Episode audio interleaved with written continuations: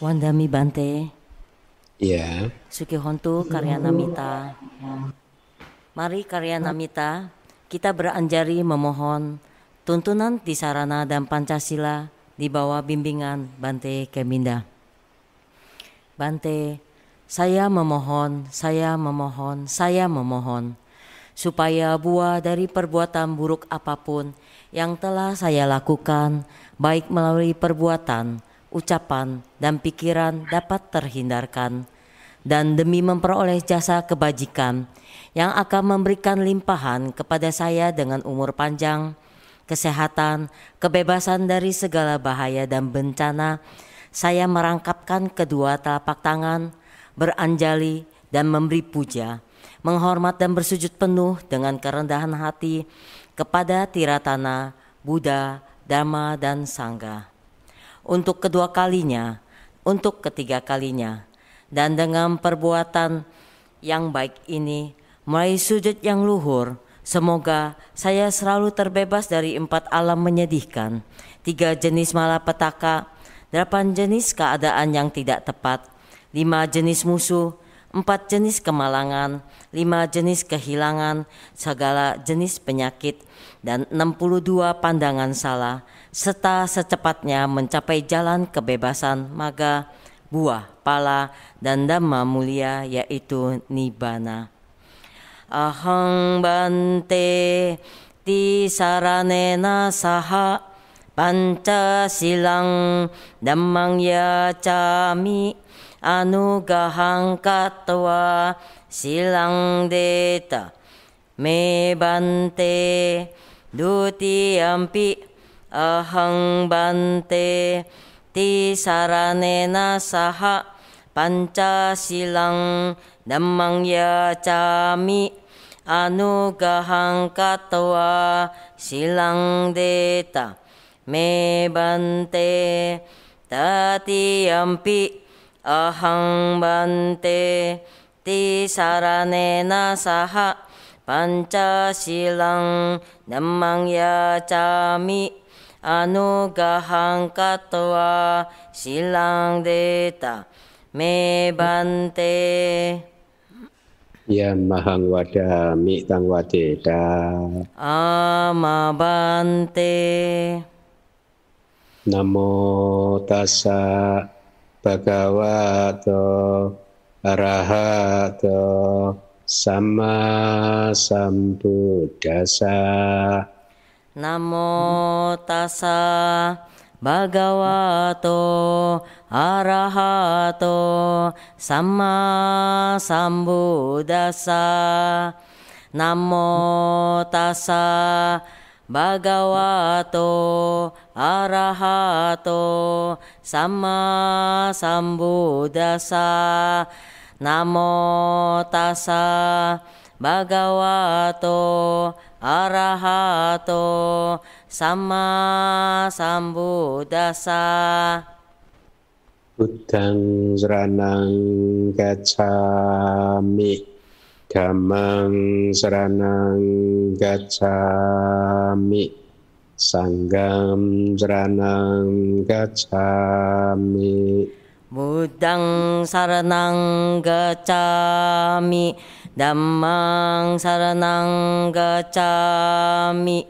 Sanggang saranang gacchami Dutiyampi Buddham saranang gacchami Dutiyampi Dhammam saranang gacchami Dutiyampi Sangham saranang gacchami Dutiyampi Buddhang saranang gacchami Dutiyampi Dhammang saranang gacchami Dutiyampi Sanggang saranang gacchami Tatiyampi Buddhang saranang gacchami Tatiyampi Dhammam saranang gacchami. Tatiyampi Sangham saranang gacchami. Tatiampi buddhang saranang gacami Tatiampi dhammang saranang gacami Tatiampi sanggang saranang gacami. Ti sarana gahanang paripunang. Amabante Panati pata wera manisika padang sama tiami. Panati pata hera manisika padang sama diami. Adina dana wera manisika padang sama tiami. Adina dana Heramani sikapadang samadiyami Ame sukmica cara Wera manisika padang samadiyami Kame sumi cara Wera manisika padang samadiyami musawada wera manisika padang sama ciami musawada vera manisika padang sama diami Surame raya majak pamadatana wera manisika padang sama tiami Sura meraya maja pamadatana Veramani sika padang samadiyami Idame punyang Idame punyang Asawa kaya waha Asawa kaya waha Hotu. Silang idang me silang Nibanasa. Nibanasa. Pacayo. Pacayo. Hotu. Hotu Karane nasa Pancasila damang sadukan katua pemadina sampadeda Amabante Sadu Sadu Sadu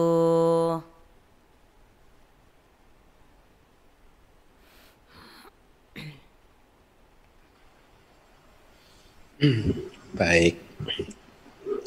Sebelum kita memulai kelas kita pagi hari ini, mari kita bersama-sama memberikan penghormatan kepada Tiratana. Untuk itu ikuti saya.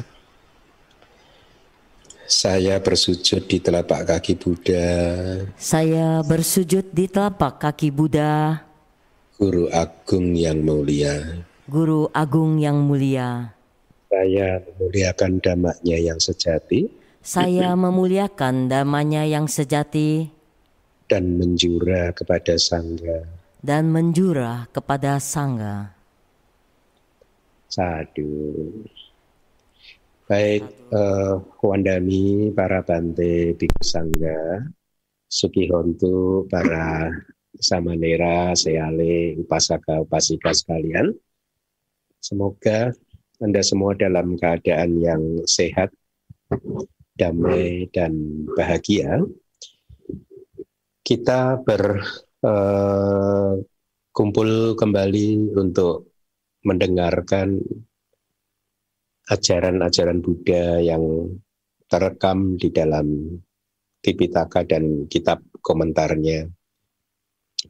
Seperti yang sudah saya sampaikan di satu dua kelas yang lalu, pagi hari ini uh, kita akan mencoba untuk mempelajari, mendengarkan apa-apa yang ada di dalam satu kitab di dalam Kudaka Nikaya yang khusus berisi tentang biografi biografi para Buddha, para Paceka Buddha, kemudian para Sawaka para murid-murid Buddha ya seperti yang juga sudah saya sampaikan uh, sejak uh, bahkan mungkin sebelum menjadi Buddhis juga saya tertarik untuk membaca buku-buku yang bercerita tentang kehidupan masa lalu. Artinya kehidupan masa lalu itu kehidupan sebelum kehidupan yang saat ini, ya kehidupan tokoh-tokoh uh, di kehidupan kelahiran kelahirannya yang lampau begitu ya, yang lebih tepatnya gitu. Uh, ya sebelum jadi Buddhis, buku-buku yang biasa saya baca itu mungkin buku-buku dari Hindu karena hanya mungkin Hindu dan Buddha ya agama Buddha yang mengajarkan tentang kelahiran yang berulang-ulang kan ya. Jadi topik ini sudah menjadi topik yang menarik perhatian saya bahkan ketika mungkin saya masih kuliah begitu di usia-usia mahasiswa begitu sudah mulai tertarik untuk membaca itu gitu ya.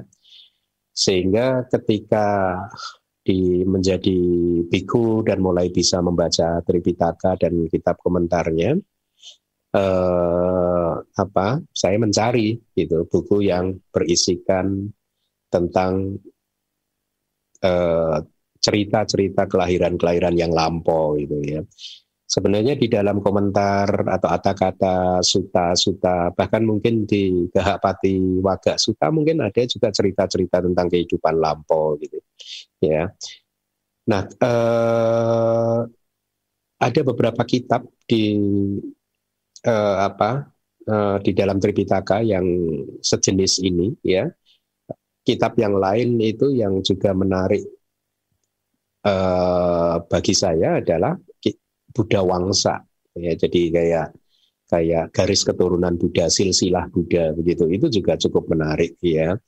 Eh, bahkan bercerita tentang kalpa ya mahakapa itu bagaimana dan lain sebagainya. Jadi nah kenapa hal-hal seperti ini menarik perhatian saya? Karena ketika saya membaca hal ini dulu ya awal-awal itu itu seolah-olah menarik perspektif pandangan saya tentang kehidupan bahwa kehidupan ini bukan sekali ini saja.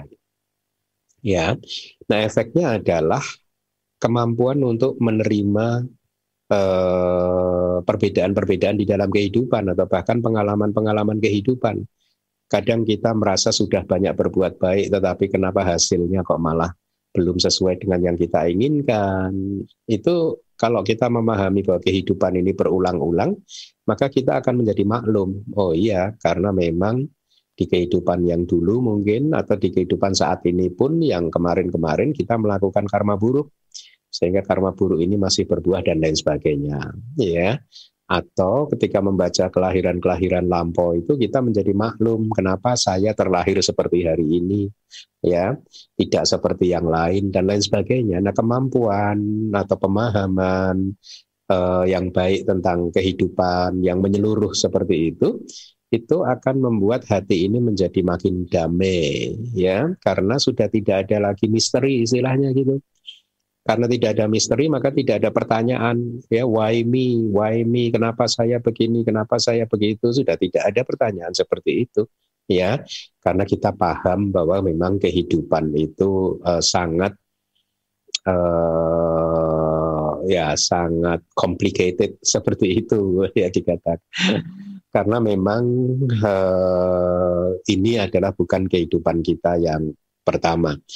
Nah, ketika membaca biografi-biografi uh, guru-guru kita ini juga yang menarik perhatian saya adalah juga kelahiran-kelahiran beliau yang di masa lalu, gitu ya. Sehingga akhirnya kita, saya, dan saya harap nanti Anda juga setelah mendengarkan ini, atau mungkin kalau anda semua tertarik dengan cerita biografi, maka minggu depan bisa saya teruskan. Nanti kita lihat ya respon Anda bagaimana gitu ya. Nah, eh, mudah-mudahan ketika nanti Anda mendengarkan penjelasan ini, Anda juga bisa mempunyai perspektif yang semakin luas tentang kehidupan ini. Kenapa beliau-beliau bisa seperti itu? Kenapa anda, saya, dan lain sebagainya sampai hari ini masih seperti ini gitu. Apa yang kurang? Mari kita bandingkan dengan cerita-cerita yang ada di dalam kitab ini tentang biografi yang akan kita pelajari pagi hari ini, yaitu biografi yang Arya Kondanya kalau Myanmar menyebutnya kondenya gitu. Ya, minggu depan kalau anda menyukainya, saya berencana ini rencana ya untuk menyampaikan biografi dari yang Arya Mahakasapa.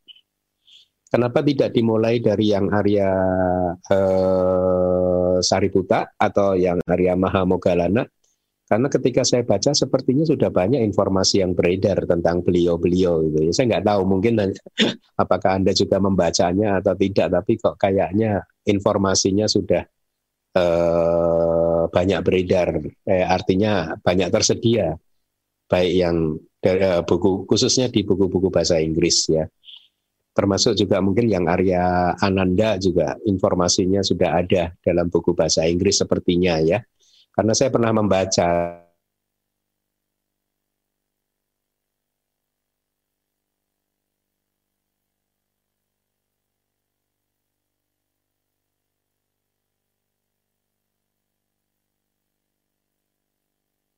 Stansa yang diucapkan langsung oleh yang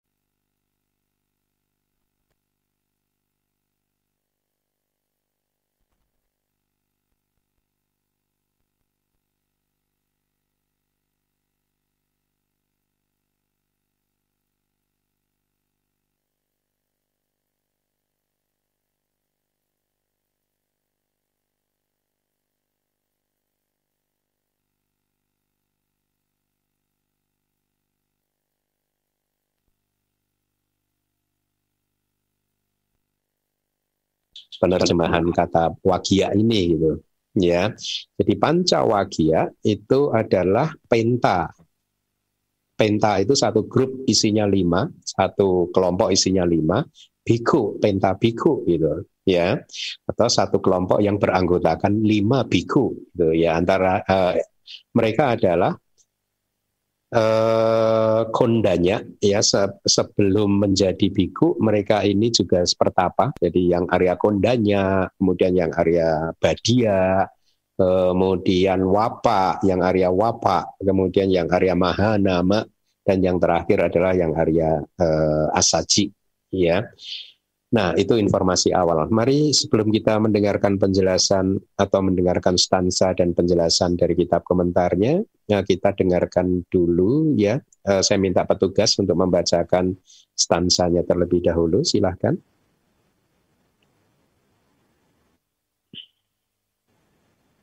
Uh, sebelum dibacakan, yang berwarna kuning, nanti stansa yang berwarna Biografi kuning. yang Arya. Uh, sebentar uh, stansa ya, yang berwarna kuning, hurufnya berwarna kuning, itu nanti diucapkan langsung oleh yang Arya Kondanya. Sedangkan stansa yang hurufnya berwarna putih itu diucapkan oleh Buddha Padumutara. Gitu ya, silahkan.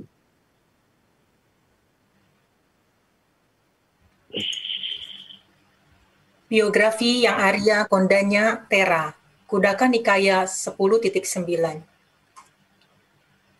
Sang Buddha Padumutara adalah seorang pemimpin besar yang terbaik di dunia. Pertama kali saya melihat beliau yang baru saja mencapai tingkat kebudaan. Di sekeliling akar pohon Bodhi, semua yaka berkumpul. Dengan mengelilingi Sang Buddha, mereka menghormat sambil menangkupkan kedua telapak tangan. Semua dewa bersenang hati. Mereka berterbangan di angkasa Buddha ini telah muncul mengusir kegelapan malam. Suara bergemuruh eksis milik mereka yang saling tertawa. Kita akan membakar kotoran-kotoran batin di dalam ajaran sama Sang Buddha. Setelah memikirkan ungkapan-ungkapan para dewa yang menyuarakan ucapan yang terbaik, bahagia dengan hati yang riang gembira, saya mempersembahkan makanan yang pertama. Memahami pikiran saya, guru yang tiada tara di dunia yang duduk di perkumpulan para dewa mengucapkan stansa-stansa ini ya, sebagai guru di sini yang kepada yang Ya, guru adalah Buddha Padumutara ya. Maaf ya, silakan. Sebagai bentuk pujian kepada yang nantinya akan menjadi yang Arya Kondanya. Setelah meninggalkan keduniawian untuk tujuh hari, aku mencapai pengetahuan yang superior ini adalah nasi pertamaku yang merupakan makanan untuk kehidupan yang mulia. Setelah datang ke sini dari Tusita, dia yang telah membawa makanan untukku, aku akan menjelaskan siapa dia. Harap dengarkanlah sesuai dengan kata-kataku. Ya, sebentar. Jadi tadi dijelaskan bahwa Buddha Padumutara mengatakan ini adalah nasi pertamaku. Itu persembahan dari seorang pemuda yang nantinya akan menjadi yang Arya Gondanya itu ya. Bahkan Buddha Padumutara juga mengatakan uh, setelah datang ke sini dari Tusita. Jadi artinya pemuda ini baru saja lahir dari Tusita. Keren ya? Silahkan. Untuk 30 ribu kapal dia akan memerintah kerajaan para dewa. Mengatasi semua dewa, dia akan tinggal di kediaman surgawi. Setelah jatuh meninggal dari dunia para dewa, dia akan pergi ke status sebagai manusia. Seribu kali menjadi cakawati, dia akan memerintah kerajaan di sana. Stop. Jadi lihat itu masa lalu dari yang Arya yang nantinya akan jadi yang Arya Kondenya selama 30 ribu kalpa itu beliau ini memerintah para dewa, bayangkan ya, mengatasi uh, semua dewa itu artinya kemampuannya, uh, keagungannya itu mengatasi para dewa gitu ya. Kemudian setelah lahir di dunia manusia pun beliau menjadi cakawati. Cakawati itu raja universal, raja pemutar roda. Uh, di, di jelaskan di kitab komentar Raja Cakawati ini raja yang memerintah uh, mempunyai wilayah yang besar, bahkan dikatakan seluruh dunia katakannya uh, di bawah kepemimpinan uh, beliau gitu. Seribu kali beliau menjadi Raja Cakawati gitu. Silahkan. Di dalam seratus ribu kapa, dia akan lahir di klan Okaka, dengan klan yang bernama Gotama yang akan menjadi guru di dunia. Setelah jatuh dari 30, dia akan pergi ke status sebagai manusia.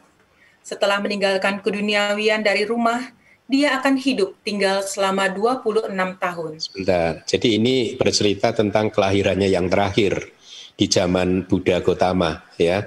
Uh, beliau ini lebih tua dari Buddha Gotama. Ya, jadi beliau lahir terlebih dahulu gitu. Silakan. Di tahun yang ketujuh dari itu, seorang Buddha akan menguraikan kebenaran.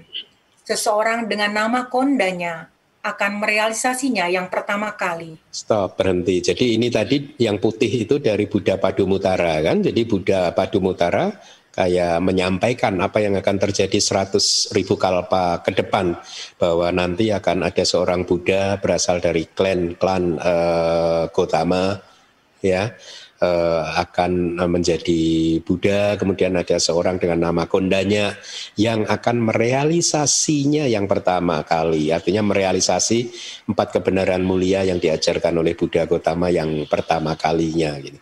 Nah, yang berwarna kuning ini adalah dari yang Arya Kondanya. Silahkan. Ketika dia meninggalkan keduniawian, saya mengikutinya dengan menjadi seorang biku meditasi dilakukan dengan baik oleh saya.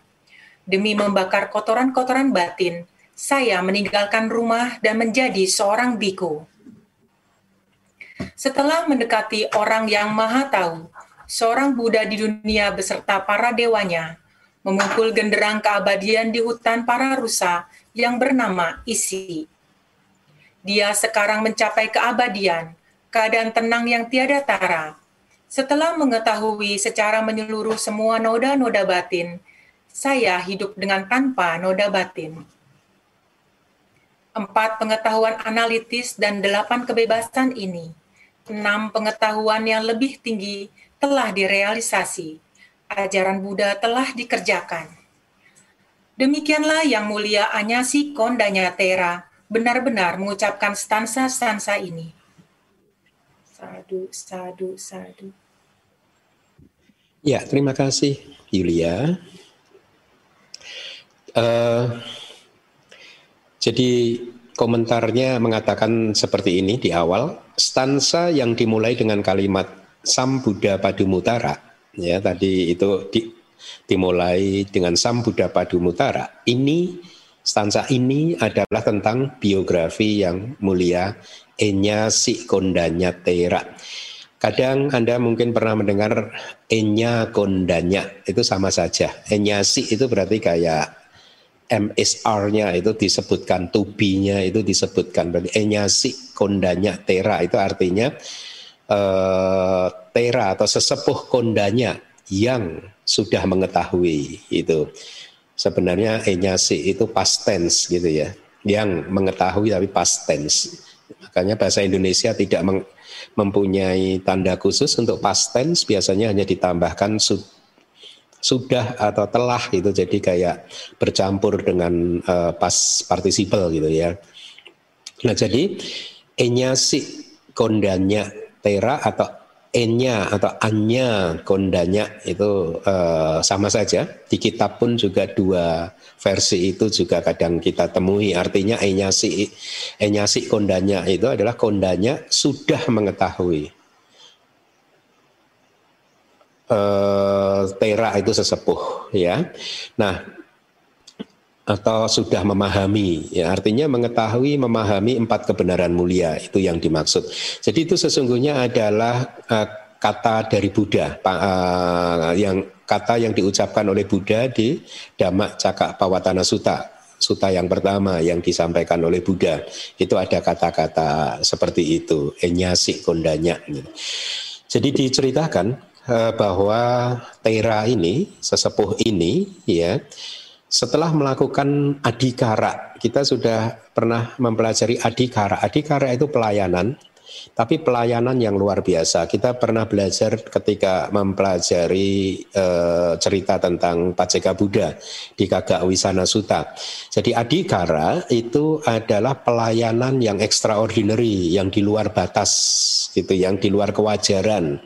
Kalau di dalam cerita Pertapa Sumeda itu diceritakan adikaraknya itu adalah ketika melihat uh, Buddha di Pangkara beserta dengan para biku akan melewati jalan yang berlumpur, uh, Pertapa Sumeda uh, memberikan tubuhnya untuk menjadi jembatan supaya Buddha dan para biku tidak kotor kakinya.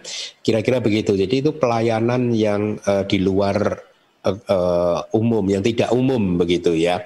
Adikara. Jadi Tadi malam juga saya sempat gusur lagi semua biografinya Paceka, uh, sorry, biografi dari para sawaka, murid-murid Buddha, ya. Semuanya itu ternyata di masa lalunya sudah melakukan adikara ini. A D H I K A-nya panjang kara R A A D H I K A panjang R A gitu ya adikara gitu. Uh, pelayanan yang tidak umum ini di beberapa Buddha. Bayangkan, semua semua sawaka itu, semua murid-murid Buddha yang yang ini yang apa kalau kita mengenal ada 80 mahasawaka itu melakukan pelayanan tidak hanya ke satu Buddha tetapi ke beberapa Buddha dikatakan di dalam kitab komentar ya.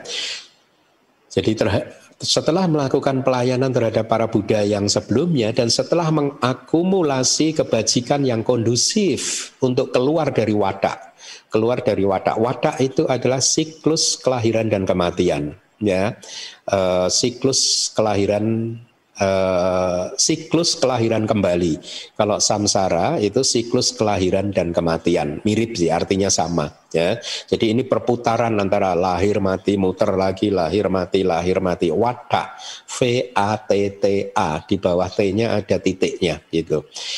Jadi setelah juga mengakumulasi kebajikan yang kondusif untuk keluar dari wadah siklus eh, kelahiran kembali di berbagai kehidupan, Beliau lahir di sebuah keluarga orang kaya di kota Hangsawati di zaman Buddha Padumutara. Ya, yaitu Hangsawati adalah kota kelahiran Buddha Padumutara. Ya, Buddha Padumutara itu kalau tidak salah adalah Buddha yang ke-13 ya. Uh, nanti kayaknya ada ya, yang ke-13. Kalau Buddha Gotama ini kan Buddha yang ke-28. Ya. Nah, uh, jarak antara Buddha Padumutara dan Buddha Gotama itu sekitar 100 ribu kalpa. itu satu kalpa aja panjangnya uh, kita nggak punya angkanya ya. Tapi saya sering mengatakan tuh satu triliun atau bahkan lebih gitu. Berarti bayangkan jarak antara Buddha Padumutara ke Buddha Gotama itu 100 ribu kalpa. Dan ketika itu pemuda beliau lahir sebagai seorang pemuda yang ini yang nantinya akan menjadi yang Arya Kondanya itu lahir di kota yang sama dengan uh, kota kelahiran Buddha Padumutara. Ya uh, ya tentang pelayanan ya tadi saya akan sedikit tambahkan lagi informasi tentang adikara jadi pelayanan ya. Uh, ya itu adalah satu uh, perbuatan yang di luar batas kewajaran gitu. Jadi setelah membuat resolusi gitu artinya setelah membuat resolusi untuk menjadi Buddha katakanlah dalam konteks Pertapa Sumeda maka Pertapa Sumeda akan menunjukkan keinginannya untuk melepaskan kehidupannya dan melepaskan pencapaian-pencapaian yang lainnya. Nah demikian pula dengan resolusi untuk menjadi sawaka ini, dia akan juga melepaskan hal yang sama gitu. Nah, uh, ya kalau Pertapa Sumeda begitu ketemu bertemu dengan Buddha di Pangkara kan beliau langsung langsung melakukan pelayanan dan dengan penuh rasa hormat ya eh, melayani gurunya yang seperti itu. Jadi kalau kita bercerita hal-hal seperti ini, hendaknya ini adalah teladan yang harusnya kita contoh ya. Kita menjadi menjadi acuan kita tentang bagaimana kita ini harus mengelola kehidupan kita gitu ya. Nah, jadi eh, kembali ke slide tadi Hangsawati ya. Setelah mencapai setelah beliau lahir di kota Hangsawati, Hangsa itu angsa, tahu nggak? Binatang angsa, wati itu berarti mungkin di kota ini banyak banyak angsanya gitu mungkin, tapi saya tidak menemukan penjelasannya. Ya, saya lanjutkan. Setelah mencapai masa puber, pada satu hari pemuda yang nantinya menjadi yang Arya Kondanya itu melihat guru Padumutara sedang menetapkan salah seorang muridnya, seorang biku, dalam posisinya sebagai seorang agak sawaka. Agak sawaka itu murid yang terunggul, murid yang tertinggi, murid yang terbaik, murid yang eh, apa terkemuka, tetapi dalam bidangnya masing-masing. Ya, kalau kayak yang Arya Sariputa itu kan agak sawaka dalam bidang kebijaksanaan, yang Arya Mahamogalana agak sawaka dalam bidang eh, kesaktian gitu ya, yang Arya Ananda dalam bidang memorinya ya, mengingat banyak ajaran. Nah, jadi pada waktu itu guru Padumutara sedang menetapkan salah satu muridnya yaitu seorang biku menjadi seorang agasawaka dalam bidang uh, dalam konteks sebagai murid yang pertama kali di dalam sasana beliau yang menembus dhamma. Jadi mirip nanti kejadiannya dengan apa yang dialami oleh ketika pemuda ini lahir menjadi yang Arya uh, kondanya gitu ya. Jadi uh, ketika mendengarkan hal tersebut, maka muncul harapan dan aspirasi dari pemuda tadi untuk menjadi biku yang seperti itu juga. Artinya menjadi biku yang ditetapkan oleh Buddha sebagai agak sawaka dalam hal pencapaian atau penembusan empat kebenaran mulia yang pertama-tama atau mencapai pencerahan yang pertama kali itu ya. Nah, sejak dia mempunyai keinginan itu, kemudian dia langsung tidak hanya berhenti dengan keinginannya saja untuk mendukung keinginannya itu tadi ya, untuk mendukung aspirasinya itu tadi.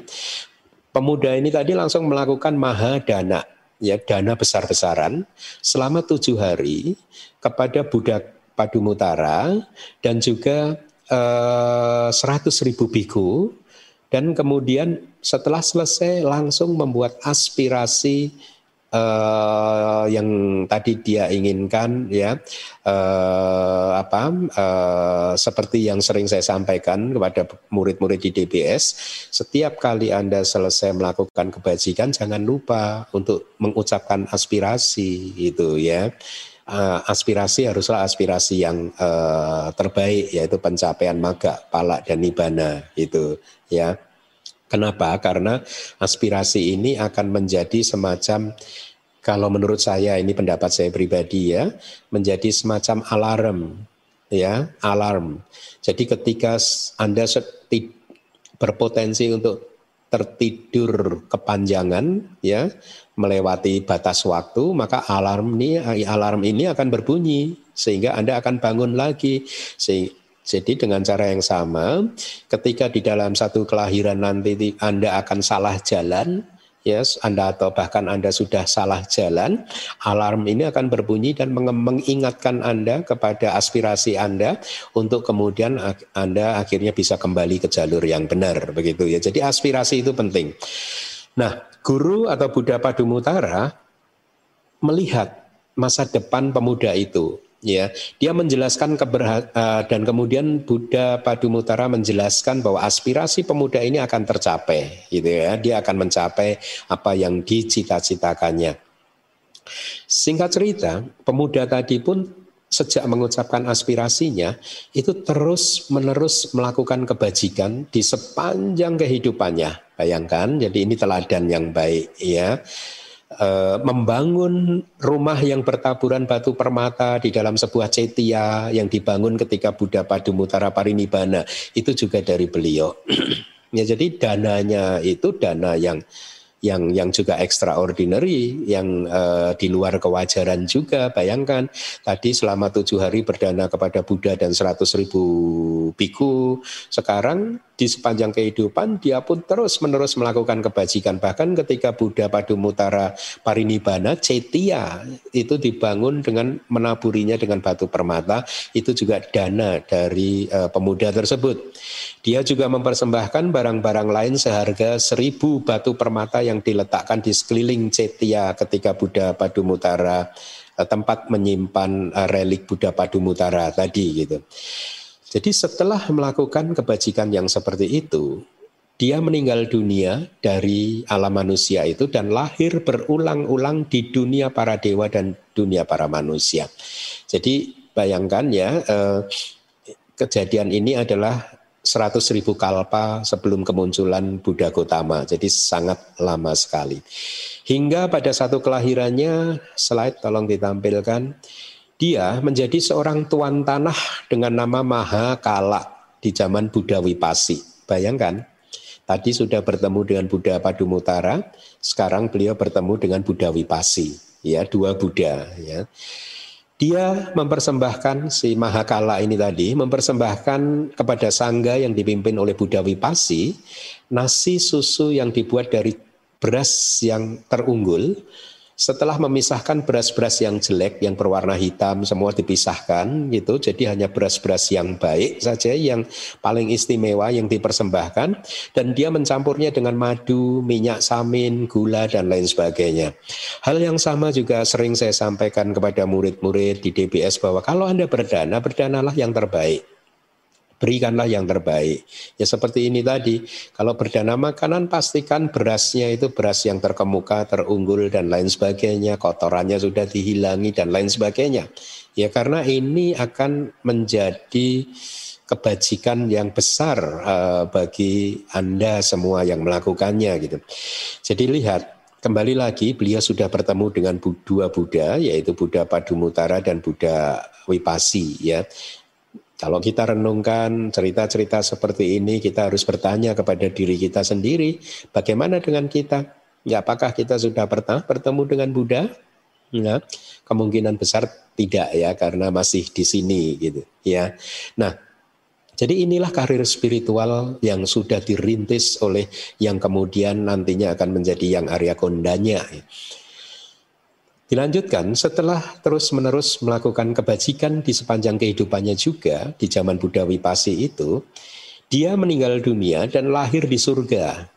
Berputar-putar di antara surga dan alam manusia hingga akhirnya dia lahir, tolong slide-nya ditampilkan. Beliau lahir di sebuah desa yang bernama Dona Waduk, tidak jauh dari kota Kapila Waduk, sebelum kelahiran Buddha Gotama, berarti dia lahir lebih dulu, lebih tua berarti ya dari Buddha Gotama, dan dia dikenal dengan nama Kondanya. Kondanya ini adalah nama klannya atau nama klannya itu ya. Ternyata bahasa Indonesia juga mengakomodasi klan gitu, ya. Setelah dewasa, Kondanya meng, sekarang berbicara tentang kehidupan terakhirnya beliau sebagai kondanya, yang Arya kondanya ya. Beliau menguasai Weda dan ahli dalam bidang pembacaan ciri-ciri tubuh dan garis telapak tangan seseorang. Ya, inilah mengapa ketika uh, Pangeran Siddhartha baru lahir, beliau juga diundang kan kalau Anda ingat dan beliau membaca dari ciri-ciri tubuh bayi Pangeran Siddhartha, kemudian telapak tangannya, beliau yakin pasti bahwa pasti ini jadi Buddha. Kalau Brahmana-Brahmana yang lain membaca tubuh dan telapak tangan Pangeran Siddhartha, mereka uh, menyimpulkan ada dua kemungkinan. Kalau dia tidak meninggalkan keduniawian, maka Pak bayi ini nantinya akan menjadi Raja Cakawati. Kalau meninggalkan keduniawian, bayi ini akan jadi Buddha. Tapi Brahmana Kondanya ya itu tidak. Ya, beliau yakin bahwa bayi ini pasti jadi Buddha. Pasti gitu ya. Jadi one one sided conclusion gitu. Nah, uh, pada waktu itu, ya, bodhisatta kita setelah meninggal dunia dari Tusita, lahir di rumah Maharaja Sudodana di kerajaan Kapilawatu. Saya rasa ini sudah tahu semuanya ya. Pada hari pemberian nama Bodhisatta, lebih dari 108 Brahmana yang dipanggil ke istana uh, untuk memeriksa ciri-ciri dari Bodhisatta seperti yang tadi saya sampaikan baru saja. Dari 128 Brahmana ini salah satunya adalah Kondanya yang merupakan uh, Brahmana yang termuda. Jadi setelah memeriksa kesempurnaan dari ciri-ciri karakteristik dari Mahapurisa, manusia yang besar, manusia agung ini, Bodhisatta ini, dia tiba pada satu kesimpulan bayi ini pasti akan menjadi Buddha. Ya, nah ketika dia tahu seperti ini, dia pun kemudian menunggu dan mengharapkan untuk melihat penolakan hebat. Penolakan hebat itu adalah api nikamana. Api nikamana, penolakan hebat artinya keputusan keteguh ketetapan hati dari bodhisatta untuk meninggalkan kerajaannya, untuk meninggalkan anak istrinya, ya.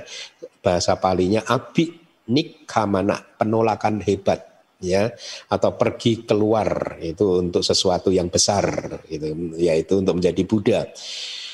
Nah singkat cerita seperti uh, kita sudah ketahui bersama Pangeran Siddhartha atau Bodhisatta kita meninggalkan keduniawian di usia 29 tahun menjadi seorang biku di pinggir uh, sungai Anoma lalu pergi ke Uruwela dan berjuang di sana.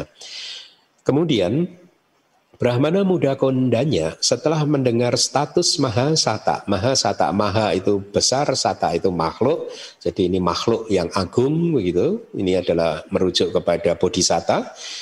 Setelah mendengar status Mahasata sebagai biku, dia pun kemudian mengikutinya menjadi biku, meninggalkan keduniawian bersama dengan Brahmana muda yang lainnya yang bernama Wapak dan lain-lainnya, ya berlima akhirnya, ya, yang dikenal sebagai Panca Wagia Biku.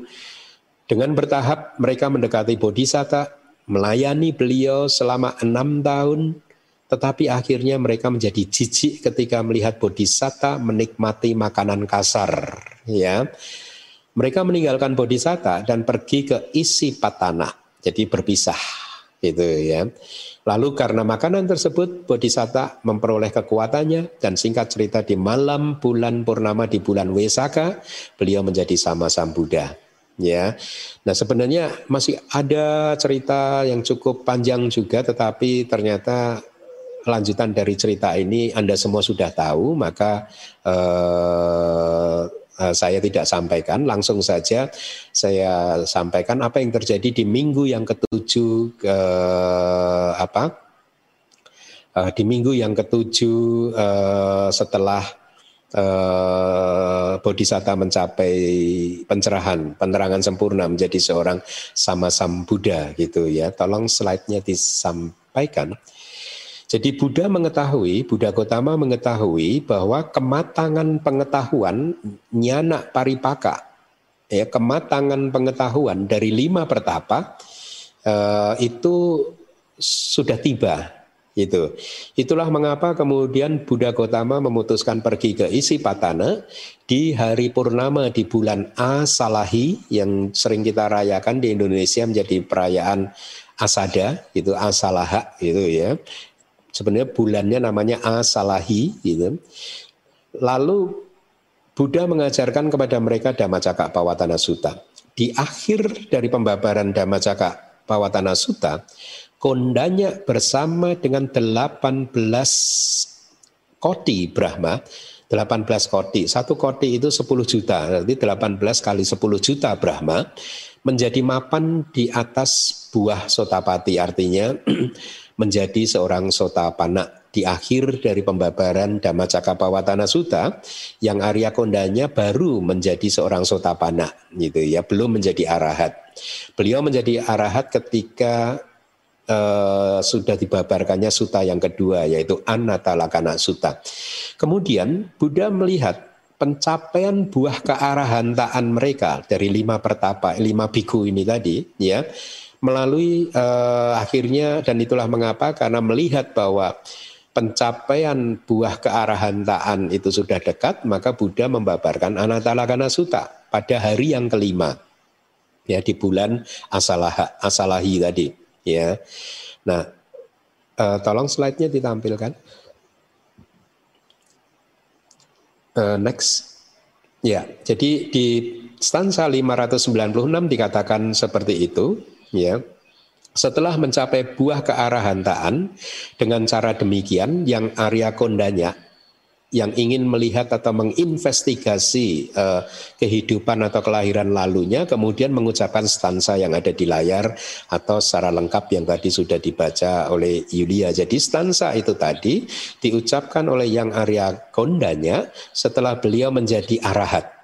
Jadi ketika sudah menjadi arahat, beliau ingin mengetahui gitu, menginvestigasi gitu bahwa apa sih yang uh, um, karma apa yang bisa membuat akhirnya saya menjadi seorang arahat. Mungkin next slide-nya ditampilkan.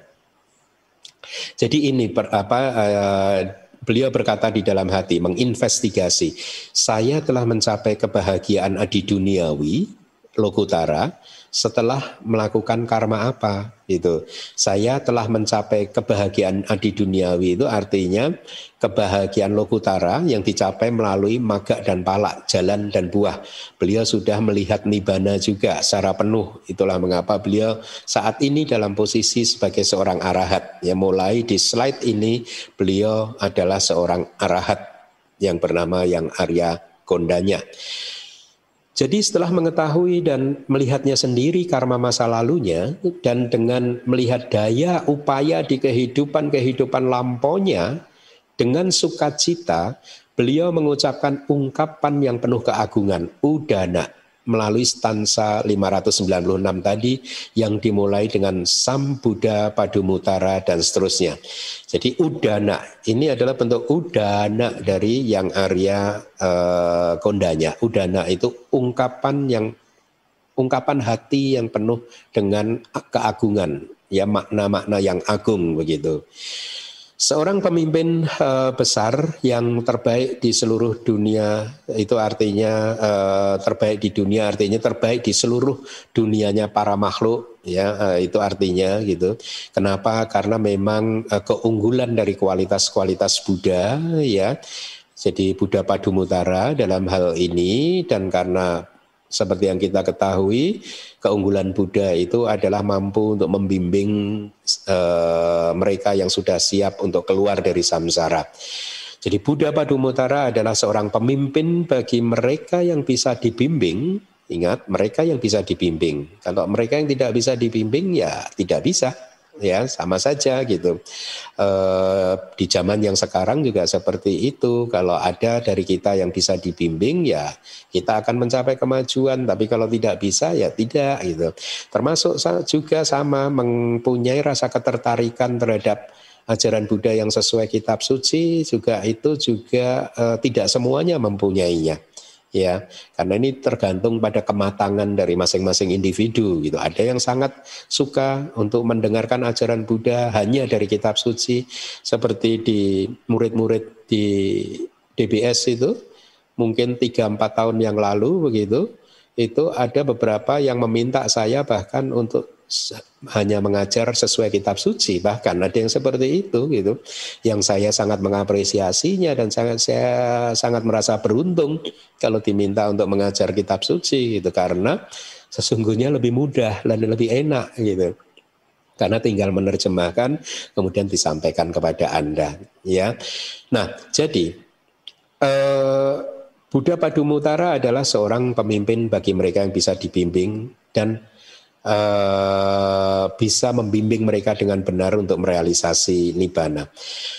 Kalimat baru saja mencapai kebudaan itu artinya baru saja mencapai tingkat pengetahuan yang mengetahui segalanya. Nah ini uh, uh, apa ciri khusus dari semua Buddha yaitu mempunyai pengetahuan yang mengetahui segalanya ya kayak maha tahu begitu ya.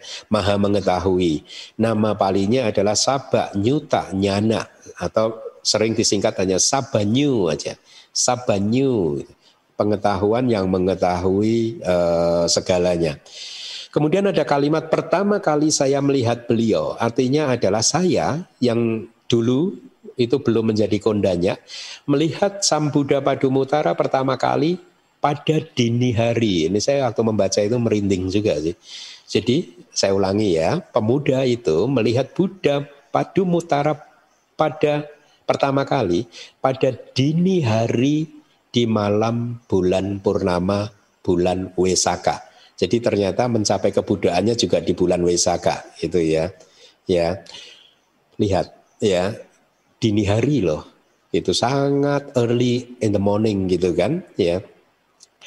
Nah beliau melihat bahwa di sekeliling, next slide, sekeliling akar pohon bodi itu semua yaka berkumpul. Yaka ini semacam dewa bumi begitu ya.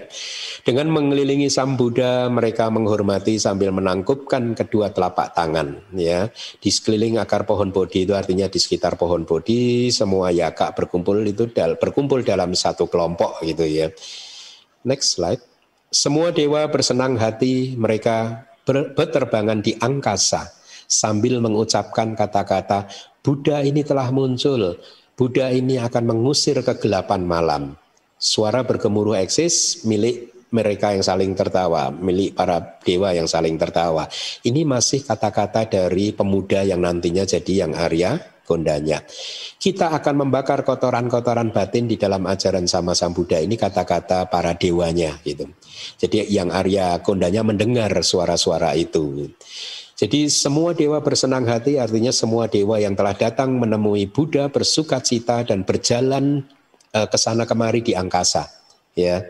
Mengusir kegelapan malam artinya adalah kegelapan malam yang dinamakan moha, delusi. Lihat ini pentingnya lagi kitab komentar ya. Jadi mengusir kegelapan malam itu adalah mengusir moha atau delusi. Milik mereka yang saling tertawa. Jadi para dewa tersebut tertawa yang disertai dengan piti dan somanasa. Piti somanasa. Piti itu kegembiraan, somanasa itu perasaan sukacita gitu. Ya. Nah, selebihnya sudah sangat jelas. Next slide. Setelah memikirkan ungkapan-ungkapan para dewa ya, yang menyuarakan ucapan yang terbaik. Ini ini yang pemuda yang nantinya jadi yang Arya Kondanya ya memikirkan ungkapan-ungkapan para dewa yang menyuarakan ucapan yang terbaik bahagia dengan senang hati yang dengan hati yang riang gembira saya mempersembahkan makanan yang pertama ya lihat jadi early in the morning harusnya itu adalah sesudah matahari terbit gitu ya dini hari gitu ya memahami pikiran saya jadi Artinya Buddha Padumutara memahami pikiran pemuda tersebut. Guru yang tiada tara di dunia yang duduk di perkumpulan para dewa mengucapkan stansa-stansa ini. Penjelasan dari kitab komentarnya begini. Setelah memikirkan ungkapan-ungkapan para dewa, artinya setelah dia, si pemuda tadi mengetahui suara pujian dari para dewa, dengan hati yang riang gembira, artinya dengan kesadaran yang disertai dengan somanasa, dengan somanasa cita gitu. Somanasa sahagata cita itu itu bahasa abidama gitu. Saya mempersembahkan makanan yang pertama, artinya saya mempersembahkan makanan yang pertama kepada Buddha eh, atau kepada beliau yang baru saja menjadi Buddha. Makanya di, di ini dikatakan bahwa makanan yang pertama yang diterima oleh Buddha Padumutara itu adalah persembahan dari seorang pemuda yang nantinya akan menjadi uh, yang Arya Kondanya. Jadi inilah kebajikan beliau mempersembahkan makanan yang pertama kepada Buddha Padumutara. Next slide. Kalau ini uh, ini dari Buddha Padumutara ya, karena berwarna putih kan slide-nya apa hurufnya. Setelah meninggalkan keduniawian kata Buddha Padumutara untuk tujuh hari, aku mencapai pengetahuan yang superior, artinya menjadi Buddha gitu ya. Ini adalah nasi pertamaku yang merupakan makanan untuk kehidupan yang mulia. Artinya uh, uh, untuk kehidupan yang mulia itu brahmacharya itu adalah karena beliau sudah menjadi arahat pada waktu itu itu ya. Jadi ini adalah nasi pertama untuk kehidupan beliau yang mulia gitu ya. Sejak menjadi Buddha, inilah nasi pertama. Kemudian Buddha Padumutara bercerita tentang pemuda ini. Setelah datang ke sini dari Tusita, dia yang telah membawa makanan untukku ini tadi, ya, uh, dia yang telah membawa makanan untukku.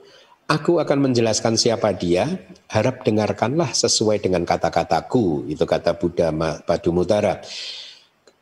Kitab komentar menjelaskan kalimat untuk tujuh hari artinya Buddha Padumutara itu berjuang selama tujuh hari untuk mencapai kebudaan arahata maga nyana ya atau untuk mencapai sabak nyuta nyana pengetahuan yang mengetahui segalanya ya ini adalah nasi pertamaku ya jadi ini adalah nasi yang dipersembahkan oleh yang uh, nantinya akan menjadi yang Arya Kondanya. Setelah datang ke sini dari Tusita, dia yang telah membawa makanan untukku, penjelasannya adalah jadi Sebelum lahir jadi pemuda di zaman Buddha Padumutara, si pemuda tadi itu lahir di surga Tusita, gitu ya. Next slide. Di dalam 100 ribu kalpa, dia akan lahir di klan Okaka dengan klan yang bernama Gotama yang akan menjadi guru di dunia. Setelah jatuh dari 30, dia akan pergi ke status sebagai manusia. Setelah meninggalkan keduniawian dari rumah, dia akan hidup tinggal selama 26 tahun. Jadi setelah jatuh dari 30 itu artinya sebenarnya setelah meninggal dunia dari sebuah tempat di Tawa Tingsa, surga eh, 33 dewa. Itu Uh, demikian penjelasannya. Setelah meninggalkan rumah Brahmana di mana dia dilahirkan, dia nanti akan menjadi seorang biku. Dia akan hidup bersama dengan Bodhisatta Gotama yang mempraktekkan praktek pertapaan yang keras, yang sulit, dukara carya, ya, dukara praktek pertapaan yang sulit, ya, selama enam tahun, ya. Kalau Buddha Padumutara tadi mencapai kebudaannya setelah berjuang selama berapa hari tadi? Tujuh hari kayaknya ya, tujuh hari. Kalau Buddha Gotama berjuang selama enam tahun. Next slide. Di tahun yang ketujuh dari itu, seorang Buddha akan menguraikan kebenaran. Seseorang dengan nama Kondanya akan merealisasinya yang pertama. Itu tadi kata-kata dari Buddha Padumutara. Kemudian yang Arya Kondanya berkata, yang berwarna kuning itu, ketika dia, artinya Bodhisatta Gotama, meninggalkan keduniawian, saya mengikutinya dengan menjadi seorang biku. Meditasi dilakukan dengan baik oleh saya, demi membakar kotoran-kotoran batin saya meninggalkan rumah dan menjadi seorang biku.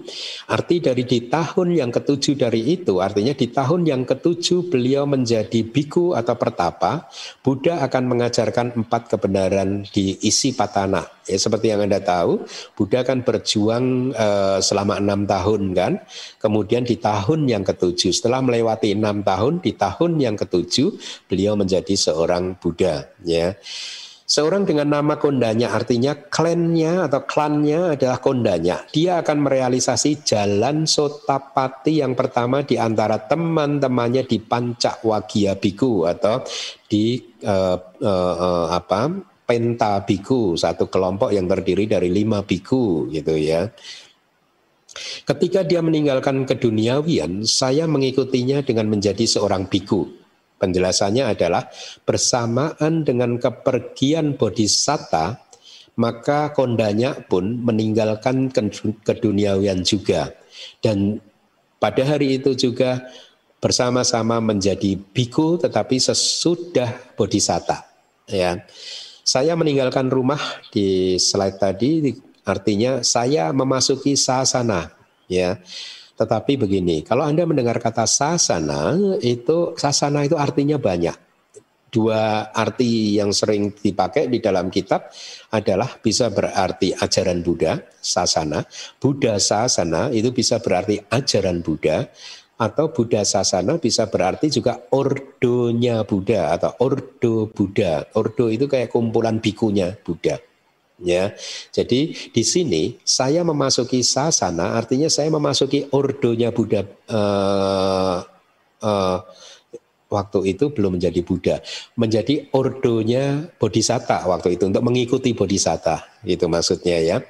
Nah, saya memasuki sasana atau memasuki ordo yang bebas dari pekerjaan-pekerjaan seperti bercocok tanam, perdagangan, dan lain-lain. Kalau Anda ingin bebas, nggak perlu masuk kantor, pagi-pagi masuk kantor, bekerja sampai sore, masuklah ke ordo. Jadilah biku atau jadi seale, maka Anda dibebaskan dari kewajiban-kewajiban itu. Next slide. Setelah mendekati orang yang maha tahu, seorang Buddha di dunia beserta para dewanya, jadi sudah menjadi Buddha Gotama, memukul genderang keabadian di hutan para rusa yang bernama isi atau isi patana. Saya pernah menjelaskan arti isi patana, kayaknya di buku penjelasan Sutanta juga ada, tetapi uh, di Cakak Pawatana Sutta saya sudah menjelaskan atau di Anatalakana Sutta. Jadi isi patana ini juga sesungguhnya nama dari uh, apa taman yang tidak hanya di zaman Buddha Gotama, di zaman Buddha-Buddha yang sebelumnya juga ada disebut isi patana. Patana itu falling, kejatuhan, kejatuhan dari para pertapa. Jadi disebutkan para pertapa dari Himalaya biasanya itu kalau turun dari gunung Himalaya beliau mereka akan berkumpul di taman ini mungkin karena tamannya indah gitu ya uh, isi itu artinya uh, resi pertapa.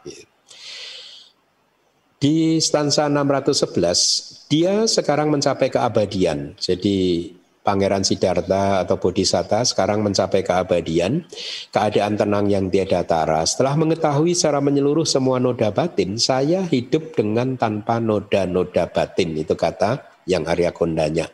Jadi setelah mendekati orang yang maha tahu, artinya Buddha yang mengetahui semua sangkara di masa lalu, di masa yang akan datang dan masa kini. Apa sih sangkara? Sangkara itu saya terjemahkan jadi formasi-formasi, ya. Di Indonesia biasa diterjemahkan jadi sebagai bentukan-bentukan, tetapi kalau kita membaca kitab komentarnya, itu ternyata formasi lebih tepat. Kenapa? Karena sangkara itu adalah uh, sesuatu yang menyusun, mempersiap melakukan sesuatu yang lain supaya bisa muncul. Ya. Kalau sangkata itu sesuatu yang disusun ya oleh eh, sebab-sebab. Uh, Jadi sangkara itu adalah sesuatu atau formasi-formasi yang mempunyai potensi untuk menghasilkan buah gitu ya, yang menyusun efek yang akan memunculkan efek jadi Buddha ini mengetahui semua formasi-formasi masa lalu, masa akan datang dan masa kini. Beliau juga mengetahui perubahan-perubahan uh, batin dan jasmani, ciri dan karakteristiknya. Beliau juga memahami nibbana, juga memahami konsep dengan baik. Konsep itu adalah bahasa-bahasa keseharian kita ini yang kita pakai untuk berkomunikasi, sebutan-sebutan kita terhadap beberapa benda dan lain sebagainya itu disebut konsep. Konsep ini sebenarnya tidak ada realitasnya. Ini hanyalah kesepakatan kita saja gitu ya. Nah, eh, Anda bisa mendengar atau membaca penjelasan tentang konsep ini di buku manual Abhidhamma bab yang pertama. Kemudian saya lanjutkan, memukul genderang keabadian artinya memukul genderang mahanibana yang abadi atau tanpa kematian. Ya, jadi nibana itu abadi, tanpa kematian. Nibana itu tidak pernah muncul, juga tidak pernah lenyap, tapi ada. Nah, bagaimana itu memahaminya? Jadi nibana itu tidak pernah muncul, tidak pernah lenyap, tapi ada. Susah kan? Ya.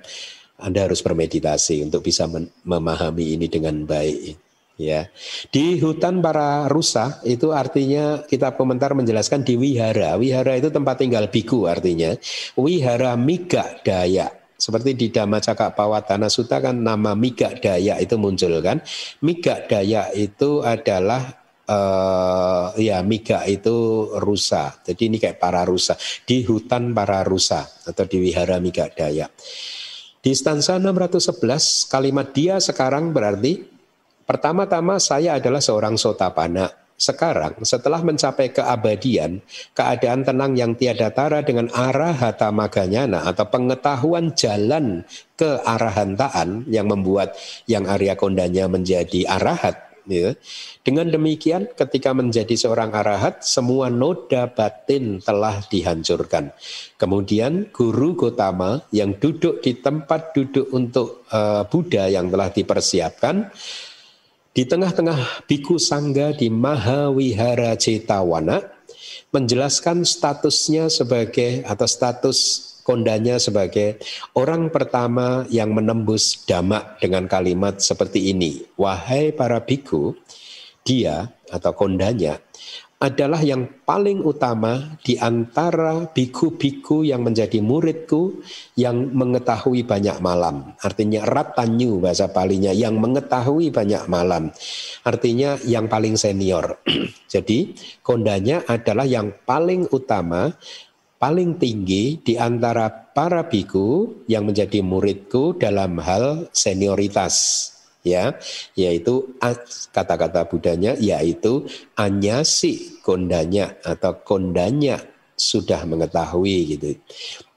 Jadi yang Arya kondanya setelah ditetapkan seperti itu kemudian beberapa hari kemudian yang Arya kondanya yang ingin menjaga menjauhkan diri dari kerendahan hati yang tertinggi yang dilakukan sendiri oleh dua agak sawaka, dua agak sawaka yaitu dua murid yang tertinggi yaitu yang Arya Sariputa dan yang Arya Mahamogalana. Jadi diceritakan bahwa kedua agak sawaka ini sangat rendah hati.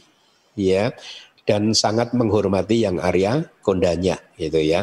Jadi yang Arya Kondanya ingin menghindari malahan ingin ingin menjaga gitu ya dari ini semua. Beliau bermaksud untuk uh, naik ke Himalaya gitu. Dan juga karena ingin uh, menghindari atau menjaga dari wihara yang penuh sesak di tempat tinggalnya di batas desa, dan karena ingin berdiam dalam kegembiraan dalam pengasingan dan juga membayangkan bahwa kalau ada percakapan antara dia dengan perumah tangga atau percakapan antara dia dengan para biku yang lainnya yang mendatanginya gitu, itu semua akan menjadi halangan bagi yang Arya Kondanya. Maka beliau memutuskan ya dengan mem, cara memohon kepada Buddha Gotama untuk memasuki Himalaya dan tinggal di sana selama 12 tahun di tepi muara sungai Cadanta. Cadanta itu tulisannya C H A D D A N T A Cadanta gitu ya. Uh, Beliau minta izin untuk tinggal di sana selama 12 uh, eh, tinggal di sana selama 12 tahun di tepi muara Sungai Cadanta itu dan di sana beliau hanya dijaga oleh para gajah atau oleh gajah-gajah. Ketika yang Arya Kondanya sudah tinggal di Himalaya, Saka raja para dewa datang untuk memberikan penghormatan kepada beliau sambil berdiri di atas artinya di angkasa Saka Raja para dewa berkata seperti ini. adalah bagus apabila Bante berkenan mengajarkan dhamma kepada saya. Singkat cerita, yang Arya Kondanya mengabulkannya, beliau membabarkan dhamma kepada Saka dengan keanggunan seorang Buddha, beliau membabarkan dhamma yang kondusif untuk kebahagiaan tanpa kematian, yaitu kebahagiaan nibbana. Beliau mengajarkan dengan berbagai cara, dengan sangat sempurna, dihubungkannya dengan kekosongan atau sunyata, gitu, yang dihasilkan dari realisasi tilakana. Tilakana itu tiga karakteristik, yaitu anicca, duka, dan anatta, yang menjadi embrio untuk realisasi empat kebenaran mulia. Artinya begini, ya. Jadi yang Arya Kondanya menunjukkan kepada Saka Raja para dewa tentang realitas hakiki yaitu nama dan rupa yang sesungguhnya adalah bersifat kekosongan, sunyata. Kalau di dalam Terawada arti kekosongan itu berbeda dengan di dalam Mahayana. Di dalam Terawada arti kekosongan itu adalah kosong dari sesuatu yang kekal, kebalikannya anicca, duka dan anatta. Kosong dari sesuatu yang kekal, kosong dari sesuatu yang bersifat membahagiakan dan kosong dari sesuatu yang ada diri atau ada rohnya gitu ya.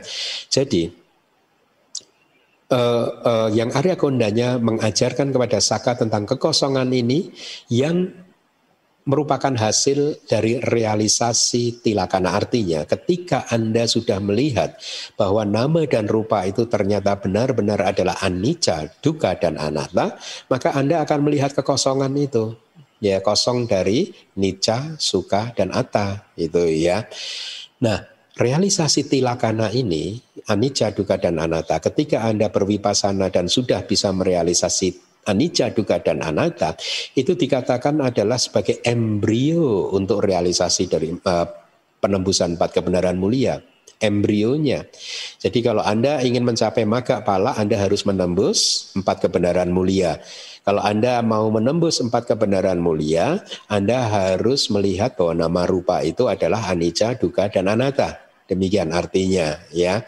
Nah jadi setelah mendengarkan dhamma dari yang Arya uh, Kondanya, Saka Raja para dewa menyatakan kegembiraannya seperti di dalam slide tolong ditampilkan. Ini dari Saka Raja para dewa. Setelah mendengarkan dhamma yang memiliki rasa yang hebat, saya sangat senang dengan biku ini, dengan yang Arya Kondanya. Dhamma yang terbebas dari nafsu telah diajarkan dengan tanpa penggenggaman sama sekali ya. Jadi Saka raja para dewa memuji yang Arya Kondanya seperti itu ya. Nah, kemudian setelah hidup di Himalaya di tepi muara dari Sungai Cadanta tadi selama 12 tahun ya yang Arya tahu bahwa sebentar lagi beliau harus parinibbana. Ya. Itulah mengapa kemudian beliau memutuskan untuk pergi menemui Buddha Gotama. Beliau meminta izin dan sekaligus memohon kepada Buddha Gotama ya uh, untuk mengizinkan uh, yang Arya Kondanya untuk memasuki parinibbana yang terakhir atau bahasa palinya parinibayi gitu. Parinibbana yang terakhir gitu. Kenapa disebut parinibbana yang terakhir? Karena sebelumnya ada parinibbana-parinibbana yang lain gitu ya. Ketika seorang seseorang menjadi seorang arahat, dia juga mencapai parinibbana tapi kilesa parinibbana itu ya kepadaman dari kilesa. Nah, parinibbana terakhir itu merujuk kepada eh, mangkatnya atau meninggalnya seorang Buddha, Paceka Buddha atau arahat ya. Artinya parinibbana terakhir ini adalah kematian yang tidak diikuti oleh kelahiran kembali. Jadi ketika seseorang parinibbana masuk ke nibbana, sesungguhnya dia tidak lahir di sana jadi kematian Buddha Gotama, kematian yang Arya uh, Kondanya itu tidak diikuti kelahiran. Begitu beliau padam, beliau bergabung ke Nibbana, bersatu dengan Nibbana. Makanya tadi di awal saya katakan Nibbana itu ada, tetapi Nibbana itu bukanlah dharma seperti cita-cita sika rupa yang ada kemunculan dan ada kelenyapannya, nibana itu ada tetapi dia tidak pernah muncul dan itulah mengapa tidak pernah lenyap dan itulah mengapa disebut tanpa kematian atau saya lebih suka menyebutnya keabadian.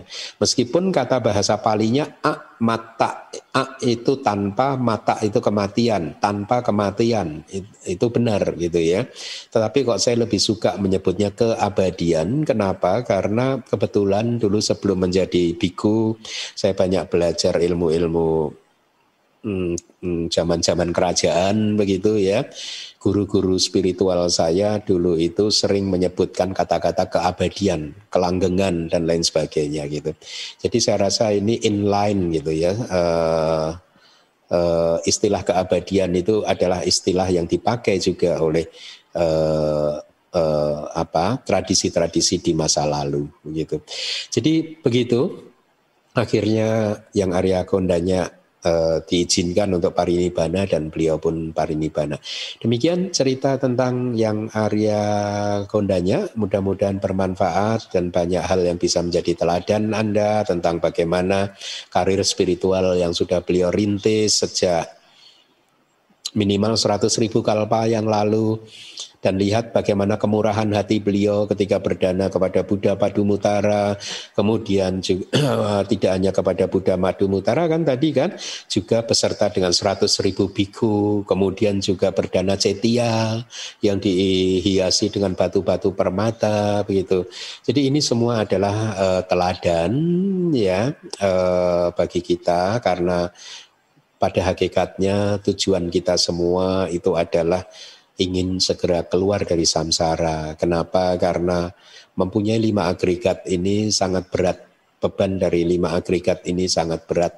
Ya, Anda sudah hidup selama sekian puluh tahun. Coba Anda bayangkan betapa beratnya sesungguhnya kehidupan Anda itu. Ya, dulu salah satu guru saya pernah mengatakan, uh, coba kalau kalau seseorang itu hidupnya hanya makan, kemudian uh, apa? Bekerja dan lain sebagainya begitu memberi contoh-contoh inilah gitu. Sempat guru saya di Myanmar mengatakan sebenarnya kalau direnungkan apa bedanya dengan binatang? gitu. Binatang kayaknya juga bekerja mencari makan dan lain sebagainya gitu. Mirip-mirip begitu. Bukankah itu adalah kehidupan yang sangat terrible gitu Makanya ketika mendengar biograf, cerita-cerita biografi seperti ini, mudah-mudahan Anda terinspirasi lah, eh, entah di kehidupan ini atau di kehidupan nanti berikutnya, eh, alarm Anda berbunyi sehingga Anda akhirnya memutuskan untuk meninggalkan keduniawian, berjuang dengan keras untuk mencapai maga dan pala. Demikian dari saya pagi hari ini, mudah-mudahan bermanfaat. Terima kasih. Sadu, sadu, sadu. Anumodana Bante atas penjelasan suta yang telah disampaikan kepada kami. Semoga kami semua mendapatkan manfaat tertinggi dari pendengaran dhamma ini. Bagi minta yang membutuhkan slide kelas Pariyati Sasana ini dapat mengunduhnya di website DBS di www.damawihari.or.id atau ada di tautan pada deskripsi YouTube ceramah kelas Pariyati Sasana ini. Selanjutnya kita akan memasuki sesi tanya jawab. Untuk itu kami akan bacakan tata tertib sesi tanya jawab ini. Bagi kalian yang ingin bertanya, bisa langsung sih klik tanda raise di mana fitur ini ada di bagian reaction di bagian bawah kanan bagi yang menggunakan komputer dan ada di bagian more bagi yang menggunakan handphone. Host akan menentukan siapa yang mendapatkan giliran untuk bertanya dan diharapkan pertanyaan sesuai dengan topik ceramah.